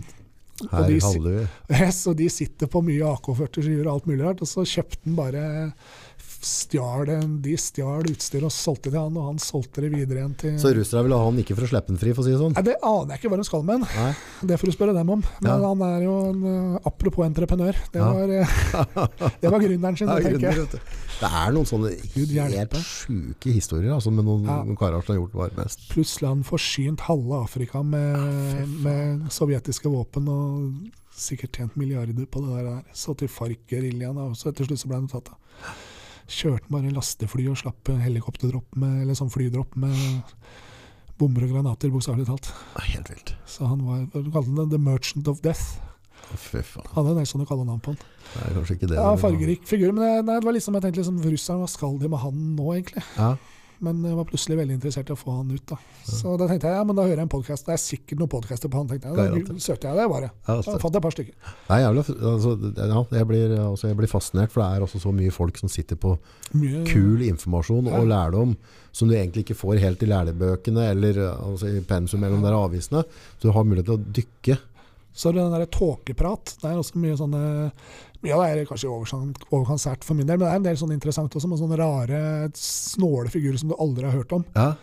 Så det, plutselig så var det en fyr som hadde reist fra Han var en sånn ungarsk var adelsmann som hadde funnet ut at han skulle reise til Mongolia og så bare samle en sånn privat hær. Så klart. Og starte en sånn privat privatkrig mot Russland på 1900-tallet. starten Så en Helt vanvittig bisarr type. Så jeg tenker at Grunnen til at dette ikke står om i de historiebøkene, er at han fikk ikke stor nok påvirkning på historien. Nei. Men det er en sånn der, helt sånn crazy historie. Så jeg satt og hørte på den podkasten på Tåkebra, så tenkte jeg dette, hvorfor har ingen fortalt meg om denne mannen ja, før? ja, ja, sjukt. Dette er den mest absurde mannen jeg noen gang har hørt i hele mitt liv. Den gærneste er ikke Ja, så dette er, nei, ikke sant? Hva I alle dager. Og så, for han var liksom, det, han, det ble nok dreis på det til at du liksom satt og tenkte er dette mulig? Ja, ja, Men samtidig så fikk det liksom ikke noe betydning for verdenshistorien likevel. Men det var liksom Han har en del sånne historier, altså mye sånne rare sekter og ordener og Oh, ja, det er jo dritspennende å høre på. i altså, For meg som Jeg har jo studert et år med psykologi også, eh, for jeg ble tidlig ferdig med masteren, så ville jeg gjerne beholde studentleiligheten. Så jeg meldte meg opp og tenkte jeg kan liksom godt ta eksamen. Så Ja. Jeg syns psykologi er spennende. og det er mye- Utrolig spennende. utrolig mye snodige og, og interessante mennesker som du aldri hører om. Mm. Men når du har sånne nisjepodcaster, Mm. så kan du plutselig bli presentert for historier som du ellers aldri ville hørt om, Mm. men som fortjener å bli fortalt, Ja, ja. og som har høy underholdningsverdi. Mm. Du får mye sånne sære fun facts. Det er kult. Det er kult. Så det er en sånn Tåkeprat har en del sånne ting som du ikke hører ellers. da. Ja. Da skal jeg ta, så, den skal jeg ta så, og søke opp. Ras, Rasputin, den gale munken, han er jo litt kjent, da, men han jeg blir jo omtalt av han. Jeg har med en sånn podcast-serie på. Ja. Også en uh, mildt sagt fargerik figur. Ja. Tøft. Ja, da skal jeg gå inn på tåkeprat. Skal er med to a-er. Tåkeprat. Ja. Tøft. Så det er mye bra podcaster der ute. Så ta, send meg De som sitter på tips til gode podcaster, så send, send det til meg på Messenger på Facebook f.eks. Så skal jeg oppdatere.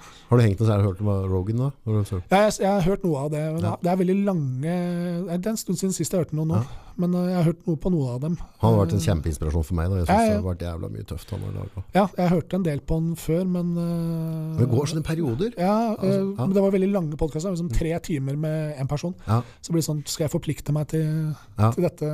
Ja, men sånn jeg ser det på der da, så, så hvis, jeg, hvis jeg ser en, en podd med Rogan, så ser jeg at det er liksom 2.53 timer, så vet jeg at det er en god podd.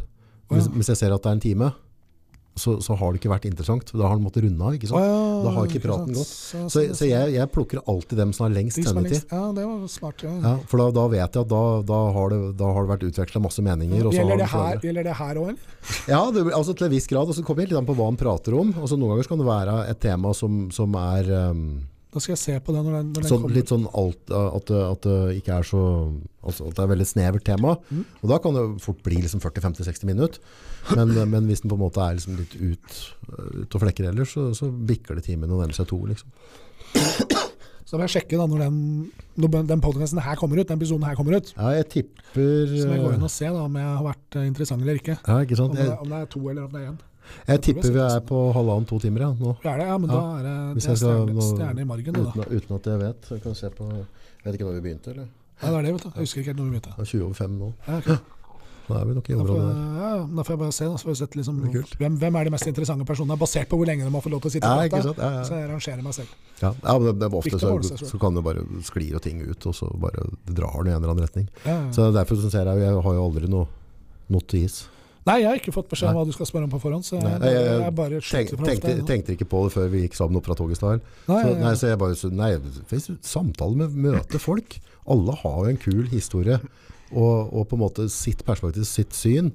På, på liksom, øh, og, og hvis Mm. en er villig til å lytte på det, så er det jævlig interessant. Jeg har jo vært på, på podkast en gang tidligere, og da var det også sånn at vi bare liksom hadde noe Dette er liksom temaene vi prater om, og så bare stiller vi spørsmål, så går det som det går. Ja. Eller du hører eh, politikere og andre som, er, som lever av å avgi intervjuer, når de blir intervjua. Ja, Det er jo gørr kjedelig, da. ja det blir det. Altså, Det er jo stivt, og de skal ha spørsmålet på forhånd, og det er jo bare det er, ikke mye, det er ikke mye løs og ledig samtale når en eh, journalist fra NRK stiller spørsmål til Støre, altså. Det er veldig stusslig. Og, og, og, og det som er greit La oss si hvis du skulle på en måte hatt en pod eller intervju med meg, da, og så, og så har du liksom sånn Ok, du skal ha den, den, og så har du en liste foran deg, sju, åtte, ti spørsmål etter at du skal gjennom.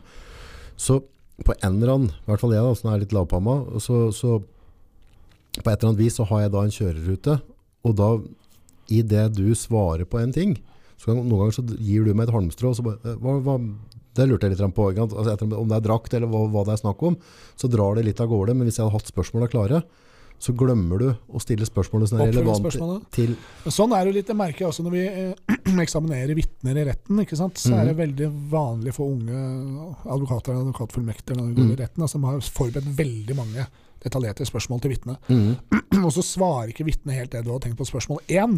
Og da forkludrer det for det spørsmål to, som da plutselig blir Og så blir alt helt kaos. Ja, Eller så blir det sånn at du bare har et sånt uh, ja-nei-skjema, hvor du liksom nesten bare fyller inn Mens det, det man etter hvert lærer seg da, som prosedyreadvokat, er at du, du, du stiller opp temaer. ja, Det var noe feil med grunnmuren, så har du grunnmuren, og så har du kanskje et par konkrete spørsmål. Og så ellers er det bare prat om grunnmuren, mm. og taket, og rotter og sånne ting. Mhm. Og så følger du med, hvis det er du som skal ut som nummer to, hvis du skal krysseksaminere, så sitter du bare og noterer. Vitnet sa det og det, eller noterer jeg. Og så ditt spørsmål. Dette lurer jeg på. Du sa, her svarte du sånn og sånn og sånn. Og da var det et eller annet der jeg tok, tok tak i, som jeg stussa over. Og da vet jeg, men da noterer jeg det. Mm. Eller så sitter jeg og lytter, og noterer det som, det som er spesielt viktig. Og ellers så har jeg temaer. Men klarer du å lytte samtidig som noterer? Ja, men Det er derfor du bare skal notere det du faktisk har tenkt å spørre mer om. Ja. om. Ja. Du trenger ikke å notere ned alt det vitnet sier, nødvendigvis. Nei, for hvis jeg skulle, men klart nå igjen, nå er jeg litt lavpanna, men, men hvis jeg skulle notert da, under her nå, så, så er det litt sånn tennis at da, da stenger jeg øra mine, Ja, ja, ja. så får jeg Ja, egentlig du- ikke du får- altså jeg hører du sier det, men jeg skjønner det kanskje ikke, eller jeg får ikke innholdet da. Hvis det er mitt vitne, hvis jeg som har kalt det vitne, så vet jeg hva jeg vil ha ut av vitnet. Ja, Og da er det jo greit, da stiller jeg de spørsmålene. Mm, Og da er jeg du, du prater med vitnet på forhånd. Du, vet liksom, ok, du er her fordi du er takstmann, og vi har fått inn en sakkyndig rapport fra deg. mm, Uh, ofte det kan være at du står på en befaring. Altså, ok, fortell hva som er feil her, sånn og sånn. mm, Jeg oppfatter da at eh, problemet er sånn og sånn og sånn. Mm. Er det riktig, oppfatta? Ok, greit. Så er det bekreftet. mm, Da stiller jeg de spørsmålene jeg vil. mm. Eh, Og så får jeg de, forhåpentligvis de svarene jeg ønsker. Ja, Og hvis vitnet da forklarer seg på en dårligere måte enn du hadde forventet. eller enn jeg forventa, så kanskje jeg omformulerer eller stiller oppfølgingsspørsmål eller Yes. påser at jeg får frem poenget. Det er ikke alltid at folk er like flinke til å forklare seg foran en dommer som det er når du prater med dem på telefon. Ikke sant. Men da er det jeg som måtte styre, måte styrer, for da veit jeg liksom hvor jeg vil hen. Men når det er motpartens vitne, da, eh, så, så, så blir det jo vanskeligere. Så Og da må du sitte og lytte. Ja. Hva er det motpartens advokat vil med dette? Det er jo sagt ifra hvorfor. Det kan være en nabo som skal fortelle et eller annet om et rotteproblem. Som er, Ja. Hva som helst. Du aner ikke nødvendigvis hva og Ofte så du, jo, du kan jo ringe vitner og spørre på forhånd, og det bør du gjøre. Men det er ikke alltid de tar telefonen eller vil prate. Ja. Eh, så da men det er det å sitte og lytte, da. Og så, det, er ikke alltid, det, er, det er ikke alltid du har oppfølgingsspørsmål heller, men, Ja. men noen ganger så har du det. Og det er liksom du sier at da må det være noe å ta tak i. Mm, mm. Noen ganger så oppfatter jeg at jeg stiller det oppfølgingsspørsmålet, og så kommer det enda mer. Så Men dette var interessant. Nå begynner vi, Ja. nå, nå er det liksom som, som en strikkegenser hvor det er løs tråd. Så når jeg begynner å dra i den tråden, så bare revner det mer og mer. og mer. deilig følelse. Og da er det sånn der, Dette hadde ikke jeg planlagt på forhånd, men, Ah, men jo mer jeg graver, jo mer, liksom, så mer som velter ut av munnen på dette vitnet, som motparten har innkalt, jo bedre blir det. Ja, Og da er det bare å fortsette å grave og grave og grave, og grave, og grave, helt til det ikke er mer å finne. ja. Og, og at du da hadde en opprinnelig plan om å stille masse irrelevante spørsmål, eller spørsmål som kan vise seg da, å være irrelevante om noe annet, Mm. ja, men legg nå det bort, da. Ja. Det er jo jo det, det er liksom hvis du går med, hvis du går med sånn metalldetektor, ja. så har du et jorde, og så skal du finne en skatt. Og så har du planlagt at du skal gå liksom opp og ned i et bestemt mønster, ja. og så plutselig så begynner det å pipe. Og så tenker du nei, men det er ikke det mønsteret her jeg hadde planlagt å gå i, så jeg, jeg, bare, jeg bare fortsetter å gå. ja. Og så gir jeg blaffen i hvor det faktisk piper. Du, du, du kan jo ikke gjøre det.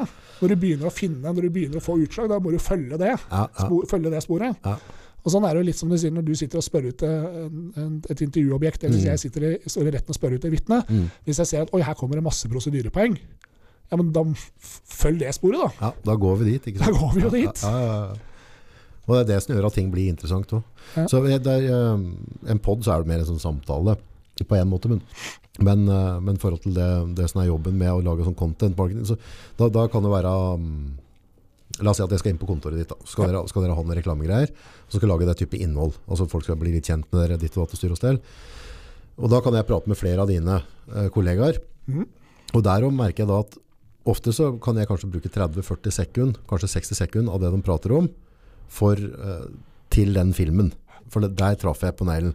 Men da er det samme som du prater på nå. Da, da starter jeg en samtale, og så prater jeg litt rundt det. Og så hvis jeg merker at de er litt stive, litt, så prater jeg plutselig om ja, prater vi om noe helt annet, og så sklir jeg litt inn igjen. Så blir det rene avhøret. Og til slutt så kjenner jeg at der, der satt den. Der fikk jeg det jeg ville ha. ikke sant? Så går jeg til neste. Og så, igjen, så, så noen ganger så kan et sånn intervju vare kanskje 20 minutter, der jeg sitter med kamera og sitter og har en samtale med dem. Og så bare merker jeg det i ryggen at der fikk jeg det jeg trengte. Og så går jeg til neste. Det, er liksom, det, det er kanskje det kuleste med jobben min, med, med når du føler at du treffer.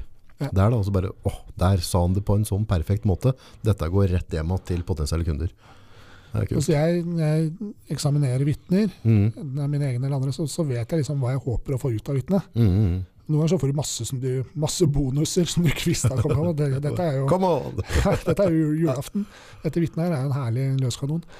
Og Da sitter jeg liksom og noterer. Når du da står i prosedyren og skal liksom oppsummere og sammenfatte sakens både faktum og juss for dommeren før vi liksom runder av, og jeg da liksom sier at eh, som vitne A sa, og så liksom har jeg 1, 2, 3, 4 og vitne B, bang, bang, bang, bang. Og advokaten, motmannsadvokat hevder at det er sånn og sånn, mens, at, mens hans eget vitne har jo sagt bang, bang, bang, så drar jeg fram alle poengene mine. Yes. Og du, selv om du da kanskje bare har fått liksom et par-tre relativt små ting da, ut av hvert enkelt vitne, når du liksom da begynner å sammenfatte alt det der blir i en sånn sluttprosedyre og du liksom, du liksom kan det blir spikersuppe av det. ja, det blir ordentlig suppetall. Det. det sånn Det her var jo egentlig ganske mye når du legger det sammen. Ja, Og når du sier det på den måten, og knytter det på en måte alle disse Mm. poengene som du har fått ut av vitnet, knytter det opp mot de poengene som du kan utlede fra dokumentbeviser, mm, mm. og knytter det igjen opp mot rettspraksis som viser at når faktum er sånn, så skal det håndteres på denne måten. Yes. Ifølge disse 18 lagmannsrettsdommene. Ja, ja. Så, så blir det puslespillet De bitene blir til et, et fint puslespill til slutt. da. Men sånn som når du skulle beholde studieleiret, så, så tok det et år med psykologi. Det må jo ha hjulpet deg veldig mye i det eh, kroppsspråk, måten du snakker til vitner. Altså, du, du, altså, du skal jo ikke stille ledende spørsmål, men du, altså, psykologi er jo helt avgjørende for å få gode forklaringer av folk. At du på en måte at du ter deg på, på en måte som gjør at, du, at du, folk prater fritt med deg. Da. Ja, det var ikke sånn at jeg fikk så mye som er sånn direkte bruk for, men du får jo mer sånn intuitiv forståelse av hvordan huet til folk fungerer Ja. og ikke fungerer. Ja. Uh, han, eh, han Raklev heter han han skrev en bok om vitnepsykologi. Han har vært i mye podkaster, Ja. sånn true crime-podkaster. Jeg leste den boka hans om vitnepsykologi. Og Det er veldig interessant om hvor dårlig den menneskelige hukommelsen fungerer. Ja, ja, ja. Eh, og det, det er jo et tema som man kan prate veldig mye om, men, men eh, man skal være litt forsiktig med å altså et, En hukommelse er ikke som en sånn videobånd som du bare kan spole av og spille av. Den, en, et menneskesinne tolker ting og setter det sammen til et bilde, Mm, som blir en historie. mm. Så det er klart at din, din erindring av en bestemt episode Mm. eh, den kan endre seg over tid etter hvert som du blir tilført nye impulser i ettertid. Ny lærdom, forståelse. Ikke sant? Og så Ja. plutselig så husker du det her på en helt annen måte enn Mm. det du gjorde forrige gang du tenkte på saken. Mm. Så det mm, Og det er litt interessant, mm, det der. Mm. Men um, Ja, for det, det kan oppleve sånn uh, Hvis en skal sammenligne sånn med pod, da, så, så sånn som vi har jo en lett god tone nå. Altså, det, er jo, det, er jo, det er jo ikke noe passiv-fiendtlig her. Men noen ganger så kan jeg, hvis jeg da Hvis ikke det kan godt at du opplever det, men, men, Nei, men, det- men hvis jeg tråkker over, da. Altså, la oss si altså, at jeg kommer inn på et tema du ikke er så jævla interessert i å prate om. Så jeg, altså, hvis, også, hvis ikke jeg da forstår det på tonefallet, stemmen din og kroppen din, at jeg gir meg nå, hvis jeg da tråkker litt for langt, så har jeg ødelagt den podcasten, for da har jeg ødelagt den rytmen mellom oss. Da. Så det er alltid noe jeg må passe på når jeg er i pod. Altså, hvor er du på komfortsona di igjen? Hva, hva er ok å prate om?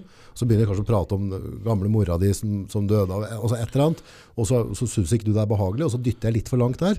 Da, er det, da blir den podcasten 40, 40 minutter. Men jeg, da- da jeg, opplevde det litt som advokat noen ganger, at når jeg pusha på noe som var et ømt punkt for så jeg var- motparten har skrevet sin partsforklaring, og så pusher jeg på et eller annet, og så merker jeg at han blir liksom Motparten du skjønner at dette, dette var ikke noe behagelig spørsmål å få, Mm. og blir liksom, som du sier, litt sånn passiv-aggressiv, litt sånn fiendtlig, litt stivnelig. Ja. Så vil jo folks normale høflighet og folkeskikk vil jo da gjøre at du, du som et instinkt en trekker deg tilbake. ja. Men da måtte jeg lære meg opp til at nei, du må gjøre det motsatte. Du må på en rolig og høflig måte fortsette å dytte og dytte og dytte. Fordi jeg skal jo at, at motparten syns det er ubehagelig å, ta, å prate om dette her. Det betyr at jeg er inne på noe. Ikke sant? Kan, eller kan bety da. Ja, ja, ja. Gitt at jeg ikke, at ikke, at jeg ikke er uhøflig eller ja, Så jeg stiller relevante Mm, spørsmål mm. på en høflig og ryddig måte. Mm. Og jeg får liksom fiendtlighet eller mm, ubehagelig Altså negative vibber tilbake. Så kan det være at ok, men dette her syns du ikke noe særlig om, nei. Da, da går sier- den retningen. Ja, når du sier at nei, jeg har aldri opp, vært kjent med noe lekkasje på det våtrommet i badet, og jeg sier at men på dokumentsamlingen side 582, Mm. så blar opp der, så ligger det en faktura for utbedring av vannskade Mm. eh, for åtte år siden. Mm. Og Hvis jeg da ser at han liksom blir veldig ubehagelig med det, så er det jo, jo, men det er jo fordi at Oi sann, den hadde jeg helt glemt. Mm. Og da, det er ikke gitt at jeg da skal, skal gi meg. Du må gjøre det. Du, du, ja, du må gi deg når du får den reaksjonen, for du skal være si, venn med intervjuobjektet ditt. Ja, ja. Mens, Men mens jeg må liksom så du sniffer etter det der, der traff jeg en nerve. Ja, og da Også- kan jeg sitte og, og pushe. Men jeg må, jo, jeg må jo ikke sitte og plage motparten, eller plage dette vitnet. Det er jo ikke målet. Målet er jo å få noe ut av Få et poeng Ja, som jeg kan bruke til noe. ja. Men hvis jeg ikke har fått svar på alle de spørsmålene jeg vil, så kan ikke jeg da slutte å, å, å poke i dette her, Nei. bare fordi at jeg ser at motparten syns dette er ubehagelig. Men er det sånn, altså, si, Så lenge ikke dommeren stopper meg og sier at men, nå har vi fått frem dette poenget, så må jeg da fortsette. men la oss si at du, at du, at du har dytta meg opp et hjørne. Da, så, så, og så, Ikke sant? men Ja. er det sånn at du da på en måte i samtalen din at du kanskje uh, du fortsetter å dytte på det ubehagelige, men du, meg, du setter òg døra litt på gløtt, som gjør at jeg på en måte kan svare det du ønsker å svare, men ikke blir naila til veggen, da, ikke sant? Ja, jeg, må stille, jeg må stille åpne spørsmål, da, men Ja. eh, jeg kan jo stille mye oppfølgingsspørsmål. Jeg hadde en sak en gang hvor et, det var en boligselger som eh, Der var det veldig mye rart, selvfølgelig. Eh, og Nå husker jeg ikke nøyaktig hva jeg spurte om, men det var, det var en del spørsmål om man kjente til det ene og det andre. Nei, det gjorde den ikke. Og så sier jeg, men da du kjøpte den boligen her, så fikk jo du opplyst at det var feil med pipa, feil med ditt og feil med datt. For vi har jo henta inn den gamle salgsoppgaven fra da du kjøpte. Yes. Du, eh, men du mener fortsatt at du ikke kjenner til det og det og det. Og da ble jo han veldig sånn anspent og ubehagelig. Liksom, ikke heva stemmen, han ble sånn Ja, ja, sint i stemmen. Ja, jeg, men det er jo bare, det er jo bare fordi at nå, nå skjønner jeg at nå traff jeg noe her. Ja. Så jeg må jo da bare fortsette, ikke sant. Ja. Og så var det noen vitner da, som sa nei, men det er mange vitner som kunne bekrefte det. Ja, hva heter de da? Ja. Men, men de er ikke kalt inn her i dag. Nei. Hvorfor er de ikke kalt inn i dag? Hvorfor er de ikke det? Ja, ja. Men hva heter vitnet til? Hva er navnet til vitnet? Ja, men ja, har du noe telefonnummer til det? Kan jeg ringe dem i en pause? Ja. Så, så fortsett å grave og grave. Jeg har jo, altså, dommeren har jo for lengst skjønt poenget mitt, men dette er jo relevante spørsmål å ja, stille. Og selv om liksom alle syns det er kjempekleint å høre på, dette er liksom ubehagelig å høre på. Du får liksom der trykka, dette er ikke noe Alle syns liksom dette her er ikke noe hyggelig. Nei, nei. Jeg må jo fortsette. Ja. Helt eventuelt dommeren sier at eh, Nå. ja, nå har vi fått frem poenget. Ja. Det er ikke så ofte de gjør det. Hvis du, hvis du, er, liksom, du er rolig og du er høflig, men, og, og spørsmålet stille er relevante, Mm. så liksom sier jeg at ok, greit, men da noterer jeg meg det. Og så, når det ikke er noe mer å hente der, liksom alle i rommet skjønner at uh, dette er tull, Ja. ja, da kan du gå videre til neste spørsmål. Men da har du et, da har du et, et vitne, da, Ja. eller en part, som allerede er i en, i en sånn derre fiendtlig innstilling, da, Ja, med pigga ute. Ja, ja. Så da blir jo resten av utspørringa deretter. ja, det blir jo det. Men det vil jo dommere skjønne, og at grunnen til at dette, denne motparten, Mm, eller dette vitnet nå, at på en måte piggene ute er veldig sånn passiv-aggressiv, det er jo ikke at advokat Møller er en fæl pøbel, Nei, nei. men at disse spørsmålene her, de er vanskelig å svare på. Kan det, kan, du, kan du, nesten spille til din sak hvis på en måte jeg er vitne og du pusher meg, så blir jeg sånn passiv og aggressiv? så, så faller litt av min seriøsitet for grus òg, da. Jeg vil jo tro at dommere merker seg det. At, Ja, at han der var ikke, han August var ikke noe særlig godt dette vitne. Han, nei, dette her uh, syns han ikke var noe særlig. og nei, han har mye å skjule.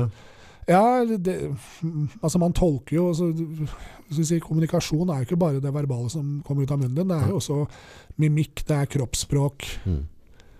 Ikke sant? Så, så folk eh, vektlegger jo, og jeg vil jo anta dommere, i likhet med folk flest, legger vekt på det Ja. også. Så klart. Mm. Nettside. Du er på sosiale medier, Facebook, Insta. Hvor? Ja, eh, vi er på Facebook. Yes. Eh, Vi har en nettside som vi er inne på, advokatmoler.no. Ja, Nå har vi fått opp Twitter. Jeg tror vi har hatt ett et innlegg på Twitter. kult. Så er så vidt fått opp. Ja. Men jeg har ikke hatt tid til før nå. Eh, Jeg tror ikke vi har vel Instagram er vel ikke på. Det er mulig at vi skal få opp noen konto der også. Men Det blir mye å holde styr i. ja, det er litt det. Så, Men Facebook og, og nettside det er, liksom, tenker jeg, det er viktig. Og så kan det være greit å slenge ut eh, artikler som vi legger ut og sånn på, på Twitter også. Så Ja. at det, det kommer opp i tweeten til folk, for de som driver med det. Ja. Så det er, men vi har vel ikke noen planer om noe Snapchat og TikTok og gudene veit. Det får være måte på. Ja, ja, det, blir, altså det blir mye følge. Så jeg har jo noen kanaler men jeg sliter med å følge opp. Ja, det blir etter hvert Ja, mye og da blir det jævlig usexy hvis jeg ikke følger opp. Da kan dere la være, liksom. Ja, jeg ser den. Jeg ser den. Nei da, men vi, er, vi prøver å ta, sånt, ta oss litt i nakken nå også, litt sånn skippertak på å få opp mer artikler og få ut mer, eh, mer stoff på media. Kult. Vi har eh, mye på hjertet, vi. Da skal jeg i hvert fall følge dere. Ja, kjempefint. også. Også sånn avslutningsvis så um, uh, har jeg litt sånn egenreklame, holdt jeg på å si. Vi har Ja. begynt, uh, jeg har begynt et, et sånn type prosjekt med at jeg lager familiepodcaster. Oh, ja. Så jeg vil si at altså uh, Hvis du da vil ha historia til faren din, oh, ja. så, så kan da folk sende inn da bestefar, mor, altså hvem nå er, og så kjører jeg da en sånn to-tre timers podcast der vi går gjennom livet, synet, oppveksten, og så rett og slett slektstreet, og hvordan de, de, de eldre i familien huska det. da. Og, det begynte egentlig med Det var eh, en legevenn som, som ville ha det på foreldra sine. Og så vet jeg en yngstedattera mi som heter Gina. Vi har da oldemora mi, oldemor Gina. Hun lurer så mye på oldemor Gina. Og Ja. hva, hvordan, var, var hun, og hva spiste hun og ditt. Så tenkte jeg, fy fader, hvorfor har jeg ikke? Altså, hvorfor hadde vi ikke et båndopptak der hun satt og fortalte om livet sitt? Og så kan barnebarna og oldebarna få lov til å sitte og høre på dette her. For det er noe som vi glemmer. Altså, det eneste vi ikke lærer av historien, er ofte historien. Og vi har jo veldig mye historie i familie generelt. Da. Så det er et produkt som vi selger her på Nordpolen. Det er bare å ta kontakt. Så hvis du da på en måte har et familiemedlem du ønsker da å ha liksom der jeg går i dybden og, og, og kjører opplegg Det blir jo ikke da posta hvis ikke, hvis ikke det er Nei, nei. Men det, men det, det blir en privat familien og odel eie. Uh, det er egentlig fett. Så jeg skal ha det på mora mi òg. Og så, så er det litt kult sånn med jentene mine. Så da er det bestemor, og så kanskje dem får noen barn senere. Hvem før, var før du vet ordet, så har en plutselig tre timer der tippoldemor forteller om hvordan det var. Tenk hvor fett. da. Altså Oldemor Gina Uh, hun, hun levde jo under uh, den store krigen, altså 1914-1918. Ja, ja, ja. Første verdenskrig. Hun levde under annen verdenskrig. Altså, det har blitt så borte så mye historier som jeg har hatt over kaffekoppen. Og greia er jo på en måte, hvis du sitter og prater med faren din, så, så blir den historia Hvis jeg har, hvis jeg har en podkast med min mor, da, så, så har vi en historie. Vi har, har jo vann under brua sammen. Så hun prater annerledes til meg enn om du skulle sittet Ja, i to-tre timer og spurt henne ut. Hvordan var det egentlig når du fikk første barn? Altså, hun svarer annerledes da. Og da kan vi kanskje få noen sånne gullnuggets. da. Så jøss, yes, ja, var det du- sånn han tenkte? Beklager å avbryte deg, men du, du snakka litt om, om podcaster. Og apropos det du sier nå, så har du, du har en pod som er uh, veldig kul, som Ja. heter Henrettelsespodden. Ja, jeg har sett den på lista, yes. men jeg har ikke hørt den. Nei, men den bør du høre. Nå tror jeg den har blitt sånn betalingsgreie. Nå, Ok, men, men ja. det. det er en bok også. Ja. Uh, den leste jeg først, før jeg hørte, og det er fantastisk. Den handler om alle de som har blitt henrettet i Norge fra jeg vet ikke om det er 1700-tallet til Ja. de slutta med henrettelser. Og der, der prater de veldig mye om samfunnet rundt. Som uh, de, disse kra- krapillene som ble henrettet, levde i. Og du, du lærer så utrolig mye om hvordan det var å vokse opp og bo i Norge på 1700-tallet, 1800-tallet. Eh, Det er litt sexy. ja, om, om, om om en bakgrunnen for hvordan, hvordan folk hadde det. Ja. Og, og, og hvordan folk eh, Det er ikke sånn at han unnskylder de som begår handlinger som gjør at det, Ah, altså, det er jo drap ja, det er ja, ja, grusomme ja, ja. handlinger. Samtidig, han setter de litt sånn i en kontekst, da. Eh, Men tenk deg bare nå hvis du kunne hørt en podkast med tippoldefaren din nå. Ikke oldefaren, men tippoldefaren din. Ja, som satt ned i tre timer og fortalte om barndommen, hvordan faren hans var onkler, tanter, hva de spiste, det blir jo bare mer og mer spennende for hver generasjon. ikke sant? Det gjør det. Men vi glemmer jo nå at generasjonen vår vil være veldig spennende. For, ja, fordi vi tenker at men hva er som er spennende med dette her? Liksom, født i 1982. Ja. Ja, ja, greit, ok, jeg vokste opp, jeg hadde ikke, vi hadde ikke internett før jeg var 14, men uh, hvor, interessant, hvor interessant er det? Så kan tenke For våre, våre oldebarn så er det helt utenkelig å ikke ha internett. Hadde ikke mobiltelefon Ikke? Nei, nei, før du var tenåring. Altså, hvordan var Så det? i to, år 2070 så vil det da være slektstreet ditt ville finne av den podkasten her vanvittig interessant. Biler med bensinmotor. Ikke sant? Hva er det? Hva i Liksom? alle dager? Ja. Det, er som, hvis, hvis, ja, det blir som om vi skulle fly rundt med damplokomotiv eh, for oss, da. Ja, ja, Ikke ja. Men tror du ikke det er et fett konsept? Ja, jeg tror det, jeg digger det. Ja. Jeg synes det, var, det er et kjempekult konsept. Ja. Det At ingen har tenkt på det før. Det egentlig, ja, og så var for så vidt uh, navnet ditt uh, som, som ringte meg, ja. og så, så bare tenkte faen det er sånn.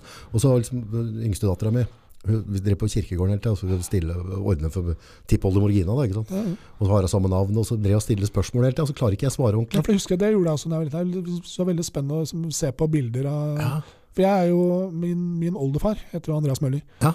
Og han var sjømann ja. og bryter. Oh. Så vi har noen bilder av at han står i Ja, sånn brytedrakt, Ja, ja. sånn stolt med noen medaljer og greier. Og så jeg har liksom spurt og gravd ut mye. Kokos hadde ikke vært hvis du hadde tre timer med din tippoldefar. Som satt og prata han var om livet. Styrmann på skip og Ja. sikkert Åssen han trente og spiste og Ja, ja, sånne ting. Ja. Seila jorda rundt. Ikke sant? Hva han har opplevd. Sikkert opplevd kjempemasse. Ja. Så nei, det, jeg syns det er kult. Jeg tror de fleste syns det er kult å lære om sin egen familie. Ja, det er, det er derfor folk driver med slektsgransking. Ikke sant? Det er jo det er grunn til det. Man vil vite så Dette med biologi og, og blodsbånd og sånne ting er veldig viktig Ja, ja, for folk. Det er en grunn til det, altså. Og det, det, er- jo idiotisk at vi ikke er flinkere og sikrere nå. For Ja. Hvor enkelt er det ikke å ta opp en ting? Vi smeller på kamera og mikrofon. Altså, det, det er nå i dag Jeg skjønner det når du hadde båndopptakere og det var vanskeligere. Nå, nå har vi null unnskyldninger. ja, Nå må vi bare få det gjort. Du, Utrolig fett å få hilse på deg. Og så ja, hvis det skjer et eller annet som er, som er litt sånn drama og styr og stell som du ønsker å dele, så bare ta kontakt. Ja.